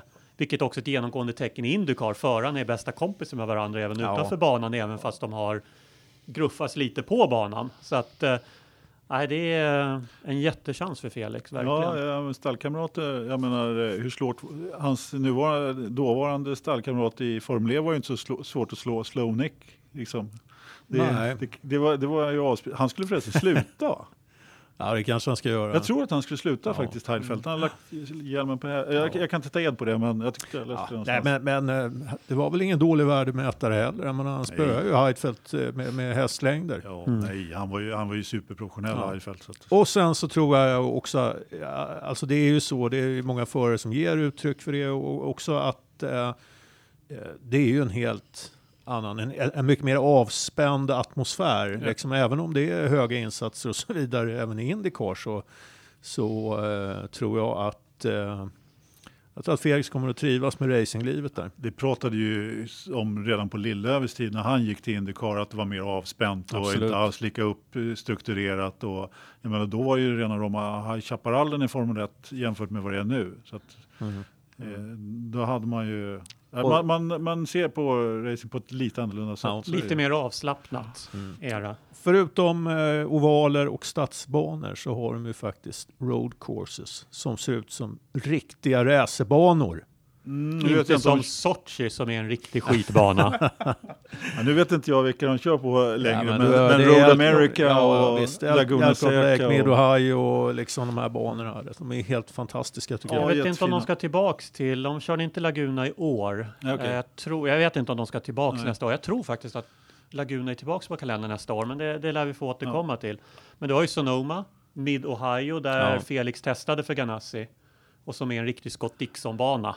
Mitt minne från Sonoma Eh. det är ju bara när eh, Mattias Ekström ledde sitt Nascar-lopp och han den där eh, vände på honom i ledning. Ja, Krasjelotski, ja, Ja, man får ju precis. vara på lite när sista tredjedelen av Nascar-loppen Ja, avgörs. helt Fram klart. till dess är en transportsträcka. Ja, helt Sen klart. smäller det. Sen kan, annars så, apropå road courses i USA då och eh, när jag ändå börjar snacka om eh, Nascar så såg ni Nascar-loppet i söndags för- Nej. Rovalen? Mm. Vad fan hade de gjort? Jag satte på tvn, skulle kolla på lite Nascar, jag har inte sett Nascar på jag vet inte hur länge. Då hade de liksom gjort en, på Charlotte Motor Speedway så hade de Mm. gjort som på, eh, det såg ut som STCC Solvalla fast uppstorat. Och gjort Ja. en innerslinga på banan där. Och de körde på däckstravar och körde rakt fram i kurvor. Ja. Och, herrejösses. Ja, jag, jag eh, kunde inte kolla på hela racet, men jag noterade att det, det liksom... Ja, men det var ju, det var ju backar. Ja. Det var ju, ja, men jag, jag tyckte det var rätt frän bana. de Ja, den var jättefrän. Det, det, det blev i alla fall lite underhållning. Ja, ja. Det var ju inte direkt ovalracing. Nej, nej. Däremot så noterade jag att det var ju väldigt glest på läktarna. Jag vet inte om det är signifikativt för Nascar nu för tiden. Nascar Det är, och då är det jätteproblem. ingenting mot hur det ser ut i. Indycar. Nej. Där det är tomt på läktarna. Ja, och det är väl egentligen, har väl alltid varit Indycars problem att man har publik på ett lopp Mm. på säsongen. Ja, men de har, alltså det, det, tomt är det väl inte på stadsracen och, Nej, är inte, eh, och inte på, på eh, de vanliga banorna. Men däremot ovalerna har man ju problem med. Ja, ja, men jämför då med Indy så Ja, är det ju... ja. Ja, Ja, precis. så är det. Ja, men de har, det är lite tråkigt för att Indycar som serie, jag tycker den har väldigt mycket av vad man önskar sig från en bra formelbilserie på hög nivå nu i form av underhållande race, eh, oförutsägbara race. Det är svårt att tippa vinnaren både över Ja. säsongen eh, och i varje race, även om man kan raljera över att man kör 17 omgångar och så vinner Scott Dixon. Men eh, varje race är oförutsägbart. I varje race är det kan vara tokiga strategier som vinner. Eh, det är väldigt jämnt mellan teamen, även om det är några team som är starka som Ganassi, Andretti och Penske så är det väldigt alla team har en chans att vinna race. Så är det. Så är det TV TV-siffrorna går ner. Publiksiffrorna på plats går ner så att publiken sviker även fast egentligen allt borde peka på att eh, det borde vara bra. Det är väl det som är tråkigt med Indycar.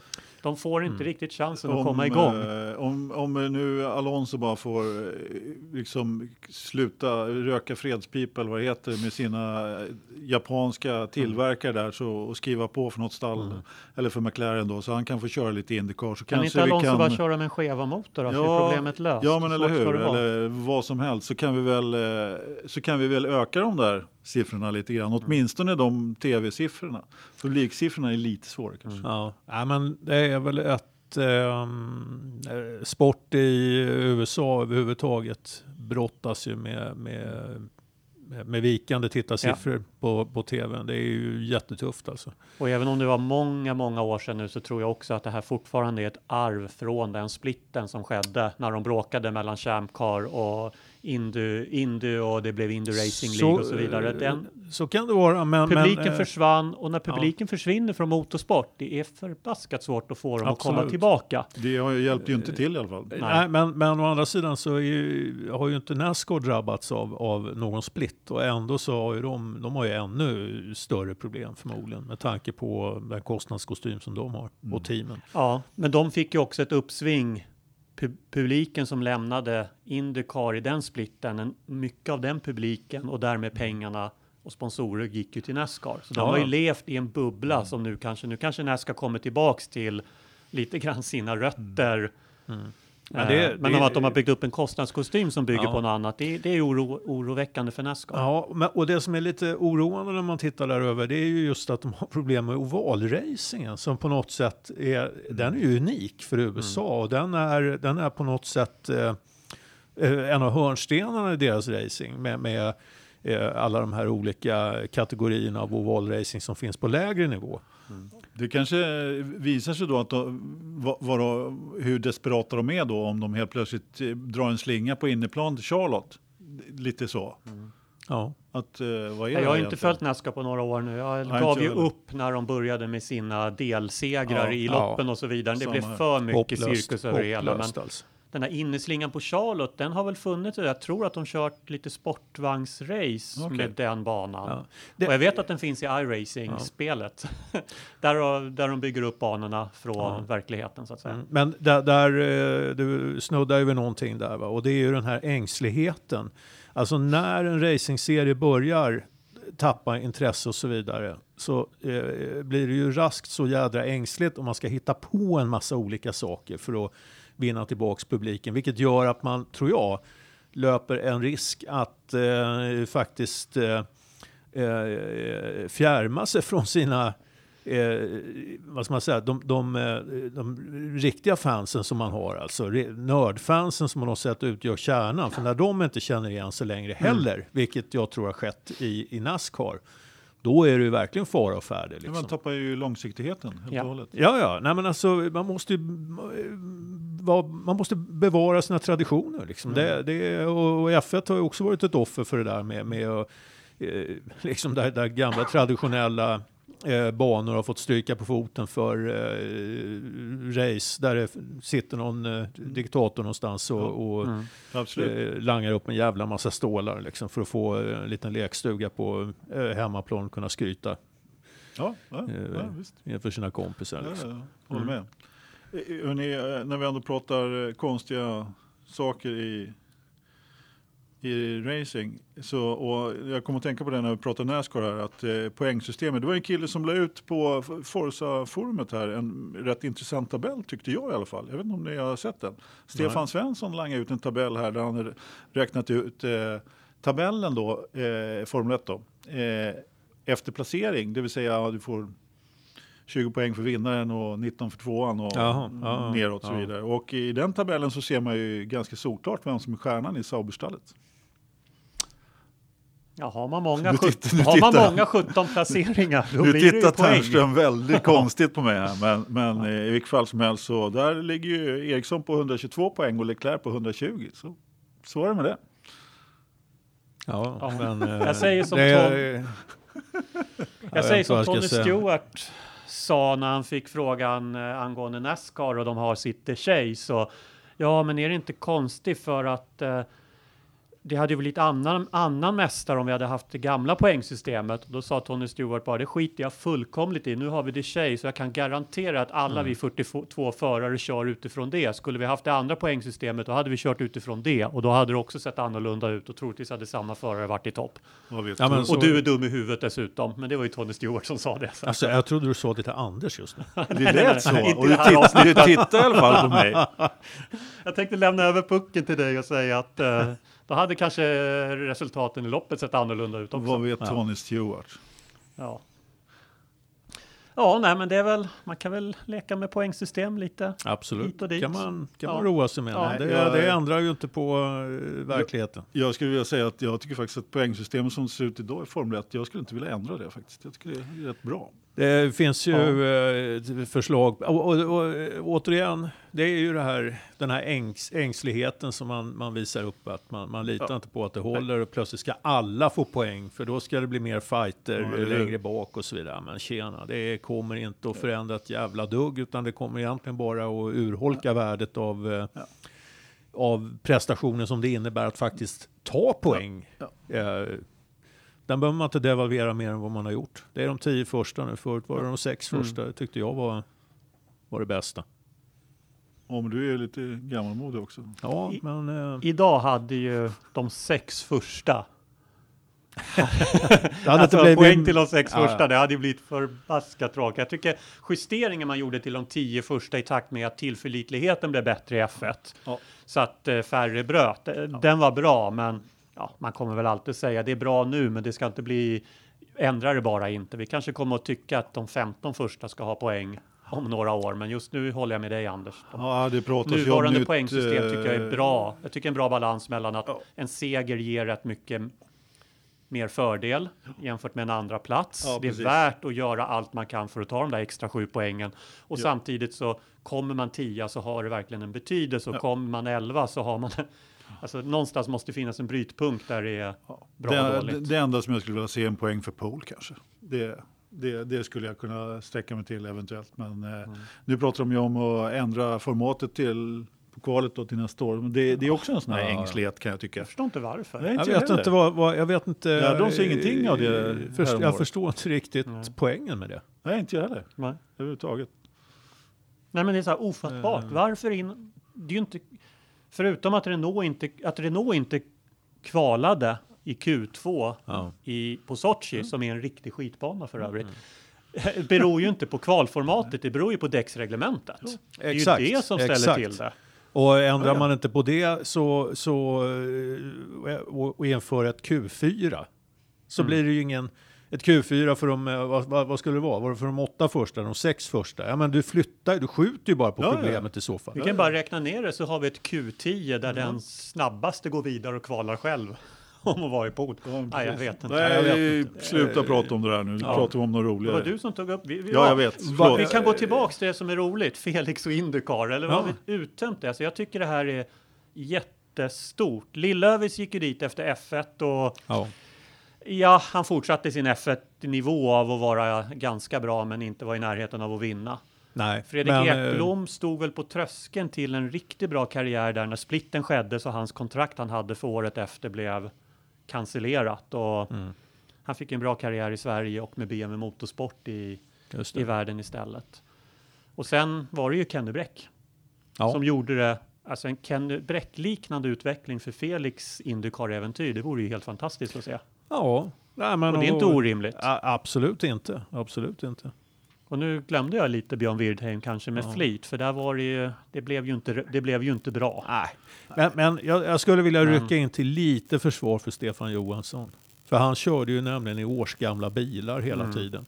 Det är sant. Eh, för Mm. Bettenhausen. Nummer 16, Alumax. Alumax. Mm. Så att eh, han eh, gjorde ju ett han gjorde ett jävla gott jobb men han var ju liksom aldrig i närheten av Efter att förutsättningarna så och, var det ju och helt vinna. okej. Han gjorde ju, han gjorde ju den här Lillövis-lopp. Han, eh, han låg eh, långt bak eh, i början och sen så knaprade han en placering och så kom han femma. Ja. eller Fyra. Mm. Förutom i sitt sista lopp på, ja kanske var, var det Laguna Seca? Det var nog Laguna Seca, han brände ju av där. Ja, precis. Det, kommer, det, det sitter faktiskt på näthinnan. när Han brände, kanske inte var första varvet, men eh, helt plötsligt så lossnar bakvingen och han bara ränner Ja. rätt ut i sandfållan där bara. Mm. Det var hans sista Indycar-lopp det. Tack och adjö. Ja, men, Nej, kul. Det blir spännande att se. var, var, var ser man det? Eh, ja, mitt bästa tips är ju, som läget är nu, det är ju att köpa ett årspass på E ISPN Player. Jag tror man kommer åt det via Indycar.com, annars är det bara att googla upp det ISPN Player. Jag tror årspasset kostar väl som en månad med Viasat. Och det kan man köpa som europé? det ska funka i Europa också. Ja, häftigt. Så att, eh, det är väl eh, det absolut bästa tills vi vet om någon svensk kanal. Det enda jag skulle vilja vädja om det finns någon svensk kanal som är, sitter och lyssnar på det här är inga svenska kommentatorer. Köp in sändningarna med amerikanska kommentatorer Ja. och låt det vara där. Ja, Lyssnade inte du på mig förut? Jag vill ju ha ett kommentatorsjobb. Det är ju alldeles utmärkt för mig att kommentera. Och köp framförallt inte in eh, med Anders Lövström Nej, som kommentator, för då köper jag ESPN Player. Ja, Nu, men eh, eh, du kan ju, då har du ju ja. något att gnälla på, på, på riktigt. Men nu är det så, det, man kollar på Viasat eh, till exempel när det gäller UFC eller eh, bok, boxning. eller? Då brukar man kunna välja på engelsk och eh, svensk kommentering. Det skulle man ju kunna önska. Jag har svårt att se eh, om, om någon svensk kanal skulle köpa in Mm. Indycar att man inte har eh, svenska kommentatorer. Det är liksom... Samtidigt har man ju, Nascar har man ju kört, de har ju haft Ted Westerfors som eh, reklampaus. Ja, ja, precis. Eh, underhållning, pausunderhållning och sen har man de amerikanska kommentatorerna. som får- Det, det går ju. Det, det går naturligtvis. ju. Mm. Ja, absolut. För, för, de har, för Indycar så har de ju, eh, de har ju jävligt bra depå eh, reportrar på plats. Mm. Väldigt bra sändningar överhuvudtaget. Ja, ja visst, visst. Så. Med, med, med tanke på längden och mängden med reklamavbrott också så blir det ändå rätt mycket snack om man bara ska prata i reklamavbrotten. Det, ja, det blir det absolut. ja. ja, men det, det ja. ja, men Mm. precis. Bra. Jaha, ska vi åka något mer F1 i år eller? Jag vet inte, vad säger ni? Ja. Vi ska köra Japans GP i helgen. Just det, Har du något att säga om det? Jag är, jag är lite sådär bara att eh, det är race igen helt plötsligt. Ja. Men, eh, det tog oss lite på sängen när vi kom Ja, på det här. det, ja, vad fasen ska man säga? Jag vet inte. Jag, jag, Japan kan alltid överraska. Eh, Det är en fantastisk bana. ehm, Så man undrar ju hur länge får den vara kvar? Det är inte alls en sån Ja, men- skitbana som Sochi är. Nej, men vad fasen. Det är ju, säkerhetsmässigt så eh, håller den ju inte samma nivå som någon av, av, av eh, Tilkes eh, utplattade, eh, sterila eh, banor. Nej, det gör det inte. Men, Men ehm, vilket ramaskri om den, de plockar bort Suzuka det från känns inte- F1-kalendern. Fan, man, har ju, man drar ju sig inte för att plocka bort... Eh, Nej. Spa. nej, exakt. Nej, jag tror att eh, Liberty, de plockar inte bort. Det känns som att de Mm. har kommit in med på, för, på Burners tid, då, då hade vilken bana som helst kunnat ryka bara helst, i ja. förhandlingstaktik. Mm. Liksom. Han var ju på Ja. väg bort med både Spa och Monza och alla möjliga. Så att, Hur ja, var det när Fuji var på kalendern här för en tiotal år sedan? Alternerade för Suzuka och Fuji då? Det gjorde de va? Jag tror det. Ja, jag tror de gjorde det. Jag tror att de- men, men nu är ju Ja, så, nu, sen så Suzuka är ju liksom Hondas eh, Ja. hemmaplan där va. Så att eh, så länge Honda är med så tror jag att de sitter rätt säkert Du körde ju också Pacific va? Ja, På Aida. Aida. Men då hade man Suzuka också, vill ja, jag minnas. jo, ja, men det var Ja. precis. Absolut. Jo, jag Så- tittar på en kalender från 2008 och då var Fuji med som Japans Grand Prix. Suzuka var inte med på kalendern då. Så Nej, de- nej, den var borta där ett Ja, tag. precis. Mm. Ja, det var så. Men om det var något annat kommer jag inte riktigt ihåg. Nej, nej, det kommer inte jag ihåg heller. Men eh, rent generellt sett så brukar det ju bli ganska underhållande lopp och eh, trevligt och sådär. Framförallt även om det inte händer något i racen så är det ju, det är det jag menar med att vissa banor är ju bra även om själva racen inte händer Mm. så mycket för det är alltid häftigt att se en snabb formelbil köra på Suzuka. Precis som Ja. det alltid, nästan alltid är inte kul att se en snabb bil på spa för att eh, Ja, jo, men det är lite som man får den här ja. känslan av att det är någonting extra. men då vill det ju till att de faktiskt laddar Kör på i fullt, racen ja. också. Ja, jo. Ja, någon sån jävla meskörning som jag nej, det sett. vill vi eh, inte ha. nej, det absolut inte. Så var det väl, jag, vet inte, jag har inte kollat däcks eh, allokationen till det här racet, men bara inte Hypersoft i den här gången också. För Så- Hypersoft verkar bli en garanti i år för att det inte blir bra. Ja, ja nästan. Eh, men, och så att de kvalar och kör eh, det Mm. de ska så att det inte blir den här eh, som stillastående i garagen igen. Det, är- Som var, ja, det är helt, Mm. Nej. Ja. nej. nej, men det finns ju en del eh, klassiska lopp att ta fram från Suzuka. Sean Alesi på slicks i regn. 95. Ja, Ja, den var fin. ja, jag gav dig Ja, den. tack. Ja. tack. Den var bra. Ja. Jag, jag har li- lite lä- längre minnen tillbaka än så faktiskt. Eh, 89-90 där var ju Oh, också ja. rätt kul lopp. Eh, när eh, Prost och Senna... Kul och kul. Ja. Jo, det beror på Det var, eh, men det var ju dramatik. ja, det var det. Det var det. Ja. Absolut. Martin Brundle var tre varv efter eller något sånt där. Mm. som, nummer tre, som, som, som trea i loppet. Ja. Ja. Ja. 90 det var Prost i Ferrari och Senna som kraschade i första kurvan va? Ja, och, 89 var när de ställde till i chikanen. Var det Nannini som höll... Han vann? Ja, hur var det? jag kommer inte ihåg, jag, jag, de krockade i chikanen där. Ja. Och Ja, sen men så var det inte det ju, året Nannini vann? Ja, kanske han gjorde. höll på att vinna? Jag går tillbaka och kollar. Ja, kolla Eftersom du. inte vi är orakel som ängelmärke. Nej. Nej, men... Eh, Vi, vi, vi kan säga så här. Vi har glömt mer om F1 än vad de flesta har i huvudet. Ja. Det är vår ursäkt. Ja, ja, lite så. Nej, men eh, han har väl erkänt i efterhand där att eh, påkörningen av Prost eh, då 90. Ja, eh, Nannini att, vann 89. Ja, att, att det i princip var en hämnd förra året innan. Ja, när- ja, det,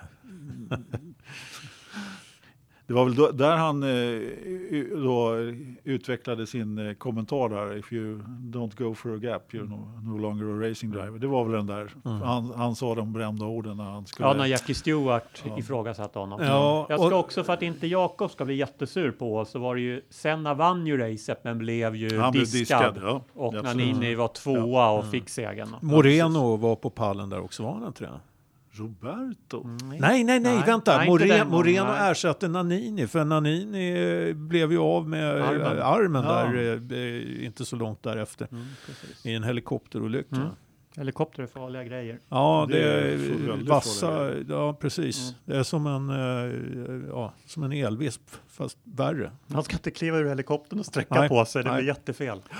Exakt. Ehm, nej men vad ska jag säga? Jag, vi minns Mm. också eh, att eh, när Eddie Irvine gjorde, gjorde, gjorde väl sin F1-debut där. Ja. Och eh, blev ju nitad av Senna efteråt. Och vad var det? Han rundade lite bilar på ytten i Ja. första S-kurvorna där, för det kom han ihåg. Det visste han från Japan att det fanns ett bra spår att hålla där som inte F1-förarna kände till. Mm. Och sen eh, fightades, sen vägrade han väl, han fightades Han med, väl, eh, samtidigt som Senna skulle varva så låg exakt. han och Ja, ja. Hill och fightades. tror jag. Ja. Och det var väl Gerhard Berger som hetsade Senna efter racet. Det där kan du inte, det där kan du inte tillåta, du måste ju gå och spöa upp honom. ja, herrejösses. Ja, Klassiskt. bra grejer. Klassiskt. Ja. Ja. Nej Ja. men eh, vi minns väl, um, minns vi inte Fisichella som gjorde en sån Jo. otroligt blek insats där. Och, Kimmy som plockade honom på sista Ja. varvet var han Ja. nästan inne i chikanen. Alltså. Ja, vänta, han- ha, han vänta, stopp, stopp. Vänta, vänta, vänta. Fisichella, har han gjort något annat än bleka insatser menar du? Ja men det här var ju, det här var på något sätt spiken i kistan. Där, där, där liksom... Du och dina det, kister och det, det, det kommer inte och det blir inte bättre än så här. Man, man, man såg ju det på hela Benetton-teamet där. Liksom, Lite som det Marcus i Sochi eller? Ja. Ja, man inser liksom att det, vi har nått vägs ände. Det blir Ja. inte. Mitt, Det blir inte bättre än så här. eh, Jag har som vanligt bara kraschminnen då i och med Senna Prost-krascherna där och så vidare. Men jag måste ju dra upp en till faktiskt och det var ju då Alesis sista lopp för Jordan 2001. Och eh, vem T-bonar honom, nej kanske inte T-bonar precis, men brakar honom av banan om inte Kimi Räikkönen Ja. i, sitt, eh, i sin första säsong där. Och eh, Det är rätt. Ja, Ja. det, var, det, det är ju så man gör entré från Formel 1 så att säga. Man blir utkörd i 130 R. Bara. Om det nu var där kommer jag inte ihåg. Men. Nej. Men där har vi haft någon riktig smäll också. Toyota Ja, var det- var ju av där. McNish var ju av där Ja, ordentligt precis. Och, ja. Stämmer. Ja, nej, men det, det Han ja, smällde ordentligt där. men, men samtidigt så känner man ju så här, ja men det kan bli hur jävla odramatiskt som helst. Nu har vi haft ett par riktigt sega race här tycker jag som, eh, även om jag har suttit här och, och, och ljugit och, och påstått att det var, var bra race. Det var bara för att vara motvalls. Ja, men du säger att det var bra innan, du har i alla fall den goda smaken att erkänna efteråt att det var ja, skit. Ja, ja. nej men eh, Nej, men det, om vi säger så här, det känns ju lite som att det skulle behövas ett bra lopp nu i Japan. Eller, nu höll jag på att säga Spanien igen. dramatik av rätt sort på någon vänster alltså. Låt det gärna regna men, men eh, Ja, men, nej, men det Inte behöver- under kvalet utan låt det komma. Sen får, får förarna brottas med de problem som uppstår. Och, eh, ja. och Japan kan det ju regna. Det har vi Där varit kan med det om. regna ordentligt. Ja, Ja, 2014 var ju ingen vidare där. nej exakt. Och då tänker vi på, Bianchi, precis. Ja. Så att, för, eh, för hundan. mm. Ja. Och på den eh, trevliga noten så rundar vi av Ja. det här. Exakt. Ja, eller hur? Det Nu blev det... Ja, vart det en tryckt stämning. Vart det dålig vi har stämning. inte ens nämnt att Daniel Kviat kommer tillbaks till Ja men F1 just det, det var ju Ja, ja. Ja, ja, Det det är har ju vi helt missat. tokigt. Så var det. Men vi har ju också pratat i snart två timmar så vi får Ja. avhandla det. Oj Kom- jävlar, är det så? Men, eh, nej, men Daniel bra. Kviat kommer tillbaks till Toro Rosso, punkt Ja, slut. jä- jättebra och eh, Jag tror han kommer att göra jättebra. ja, Han, har- han kommer att göra det bra nu. undrar hur mycket det här eh, sved i, i eh, själen på Helmut Marko. Men Helmut Marko gillade ju Kviat. Han gav ju honom chans efter chans efter chans. Jag tror inte att det svider så mycket för Marko faktiskt. Jag tror det svider mer att Ricciardo lämnar. Ja, men, Så han gav ju Kviat så många chanser. Och men nu har alltså, han det är fått rätt- ytterligare en det är chans. rätt bra jobbat ändå. komma Snacka om Det- floater. Han har flyttat upp till ytan eh, Ja. fler gånger än någon annan som jag känner. Ja. Ja. I, i, han bör, I början på året så var han iväg och testade Exakt. Nascar. Euro Euro, Nascar. Euro Series. Wheel and Euro Series. Samtidigt som Graff va? Ja, precis. Det gick inte så bra för Kviat då. Nej, Graff eh, gick det jävligt bra för. Det var som tusan. Ja. Men vi hade ju två, ny, två till som varit eh, bekräftade här i... Ja, den stora sensationen. Uh, Haas, och Mag- Haas och Grosjean. Grosjean hade vi i princip dömt ut här när... Ja, men jag tyckte nog att vi förde tillbaks honom efter ett Ja, tag. lite grann. hade lite Vi, vi, inte han. Ja, Ternström, nej, nej, nej, Ternström hade fullt upp med att såga Marcus i det läget. Ja, att nej, det- men, nej, nej, men det är ändå någon sorts eh, logik i det beslutet därför att det finns inte så många förare att välja på. Vad ska man ta in? nej. För- Alltså, det man, man, kan men ju, man kan ju alltid säga Ocon, men jag tror aldrig att det var Nej, nej, men, eh, realistiskt att precis. plocka in honom och Nej, hjälpa nej. Mercedes Nej, med det. nej, Jag men det, det liksom inte... fanns nog inte på kartan där utan Nej. det här var nog den bästa lösningen som fanns att tillgå. För nästa Jo, år. men det var det nog. Det var Med Grosjean ja, för Magnusen tycker jag har gjort det riktigt bra. Ja, nej, Ja, nu pratar vi Grosjean ja. såklart. Men det är klart att det fanns en och annan lovande Ferrari junior som man kunde stoppa in där också. Men det verkar inte som att, ha se, som att Ferrari har riktigt eh, den Ja, men de har insikten. inte det. Jag Nej. vet, jag vet inte vilka gubbar det skulle vara. De har den här Foucault har de ju. eh, Ja, inte vet jag. eh, Mick F2, jag vet inte. Callum Islet, inte vet jag. Ja. Nej, men jag tror inte, det känns inte som Ferrari har det inflytandet på Haas. Nej, det gör inte Utan det. det har de på, med Sauber nu och Haas flyter lite någonstans i ingenmansland där. Mm. Och då passar väldigt bra att fortsätta med Magnusen och Grosjean. Ja. Betyder inte det att Haas och Mercedes är det enda teamet som har samma lineup nästa år som i år? Gör Så är det? det nog kanske. Ja, om du Så säger det. det. Om du säger det så. Ja, det är faktiskt så. Kan inte komma Ja, på det, ja, men det har varit den silliest uh, silly seasons En på ja, någonsin. Ja, verkligen. Ja. Det kan man lugnt säga. Mm. Det är tråkigt då för oss som gärna hade sett Marcus ett år till. Men Ja. annars så har ju, den har ju bjudit på ganska mycket kan man lugnt säga.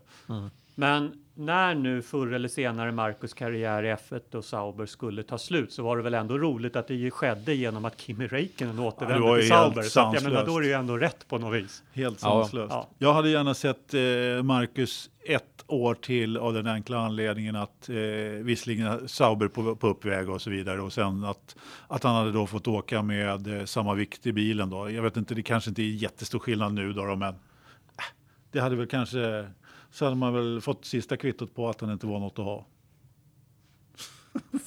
Vad du låter bitter. Jag är inte bitter. Inte så jävla dumt. Den här interventionen den gick ju fullständigt Nej, den... käpprätt eh, åt skogen. Precis, alltså. Ja. precis. Ja, jag vet inte fan. ja. Nej, men det var väl egentligen det. Ska vi runda av det här? Jag tror det. Ja, sista Ja. punkten har ju att vi är osams och går hem och lägger ner podden. Så att, eh, alltså, näst sista punkten är faktiskt vädret. Ja, men du har ju glömt en punkt. Veckans Verstappen. just det. Ja. Just det. Ja. Vi tar j- jättesnabb sån. ja. Shoot. Ja, Ja. Formel 1. nej men, eh, Ja, nej, ja, men där, ja, det är ja. i kvalet Ja. och att man inte, eh, liksom, Mm. nå- något måste ju göras. Det är ju tävling för fan. Mm. Inte, man ska inte vinna genom att stå i depån. Liksom. Nej. Det är, det är fantastiskt, fantastiskt bra.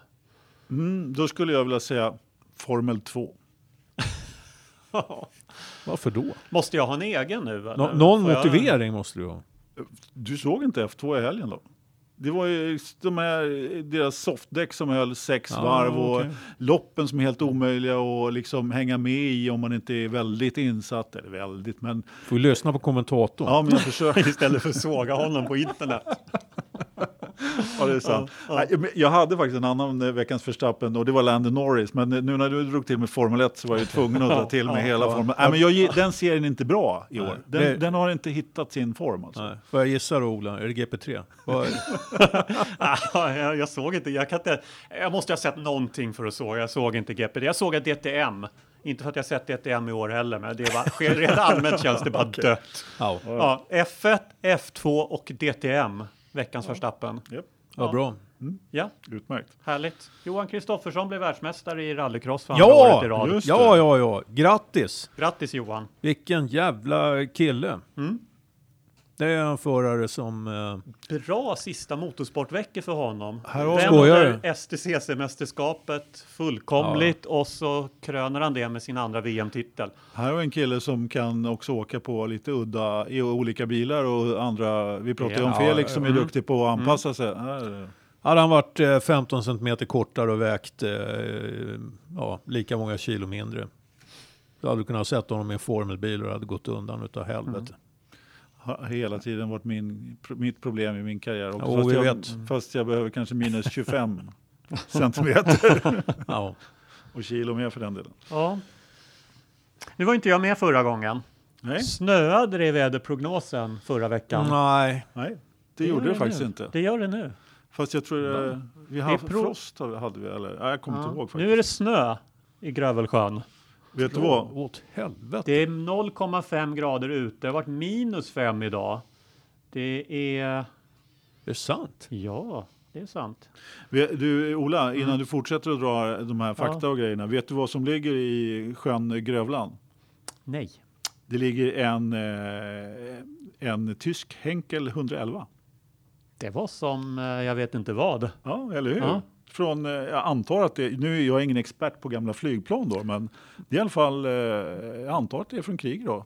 Här. Ja, det lär det vara. Men, men vad då ligger i? Ja, Det ser du väl här? Nu- Jag visar upp, nu är fin Ja, det- jag visar upp ja, bilden här exakt. för Tärnström. Det är både vatten och ett flygplan Men där. vad i helsike skulle tyskarna dit och göra? Jag vet inte. Snacka Nej, om att men, flyga eh, fel. Ja, Måns Ja. Nordell la ut det här på Ja, forumet. man är ju inte långt från Norge och eh, tyskarna flög en del räd eh, mot eh, England också. Ja, Sen kan det ju varit en transport också. de eh, flög ju lite fel och sköt lite fel. Ja, och så och att- ja, kan ha varit, eh, haft lite tekniska problem där. så är det. Blivit beskjutna eller någonting. Det vet man inte. Ja. Ja, men- 0,5 grader ute. Vindavkylningen är då 0,5 grader. Eftersom vi inte har någon vindhastighet. Jag, jag läser innantill. Ja, ja, ja. Det ser inte så ifrågasättande ut. Det, det är någon som undrar Ja, här jag- i, i tråden också vad vindavkylningen är på en F1 då. Får man ju kanske specificera Eh, när. på en Renault så ska jag säga att den är samma som yttertemperaturen eftersom de inte kvalar utan står i depåboxen. Ja, så den du får ju ingen vindeffekt där. Det är, det, det är alldeles korrekt. Ja. Nej, men jag, jag, jag sätter att titta lite ifrågasättande beror ju på att jag precis som förra gången ifrågasätter hela, eh, hela momentet här med, med det här väder, vädertramset. Men vad fan, vi, vi sitter där nu, vi Ja. kan inte göra oss av du med brukar vara skiten. intresserad av temperaturen i datorförrådet. Ja, det, jag försöker att uppanamma någon, liksom ett minimum av intresse Men för, kommer du inte ihåg för för, förra eh, podden? Då var det ju 26 grader eller något sånt där och det har Ja. varit stadigt sjunkande. Nu, Visst, visst. nu, Det nu får vi det- höra här om Det är ju som att är. eh, försöka och, och, och, och liksom skaka liv i en död häst känns det som där momentet. Nästa Men veckas Verstappen, väderprognosen Ja. i podden. fan, ta temperaturen nu i Ja, datorrummet. 24,3 grader. Ja, du ser. Han har satt in ett extra element där eller något. Eller så Ja, är det din do- det är- Men det är ju kallt, det Ja. snöar, det är nollgradigt nästan. Det var minusgrader. Det är klart att det, det piper ju inte iväg direkt. Nej, Nej. det gör inte Han det. måste ju ha ett helvete där uppe alltså. Kylan, Ja. den gode pastis. Nej, nu vill jag åka hem. Jag har ingen lust med det här längre. Nej, Nej. samma här. Mm. Det, eller jag ska åka hem och redigera den här skiten. Ja, Ja, just jag ska det. åka hem och Det försöka åker jag på. den här skiten. Jag ska Ja. åka hem och packa. Vad ska du då? Jag ska till Riga. Ja, dit kan man ju också åka. Vad ska du dit göra? Titta på Japans GP som det verkar. Ja, ja, Ja. okej. Det, det, pengarna räckte inte längre för dig. Precis, österut. Ja, det är bra. Tack Ja, och men det är hej. bra. F1-resan till Riga, du kan ju rapportera, rapportera om den i nästa podd. Ja, men jag ska kanske eventuellt komma till ett eh, motormuseum i alla fall. Man får se. Ja, ja. ja det är bra. Lycka till. Ha, det så kul. Ja, tack. Amen. Hej då! Hej. Thank you.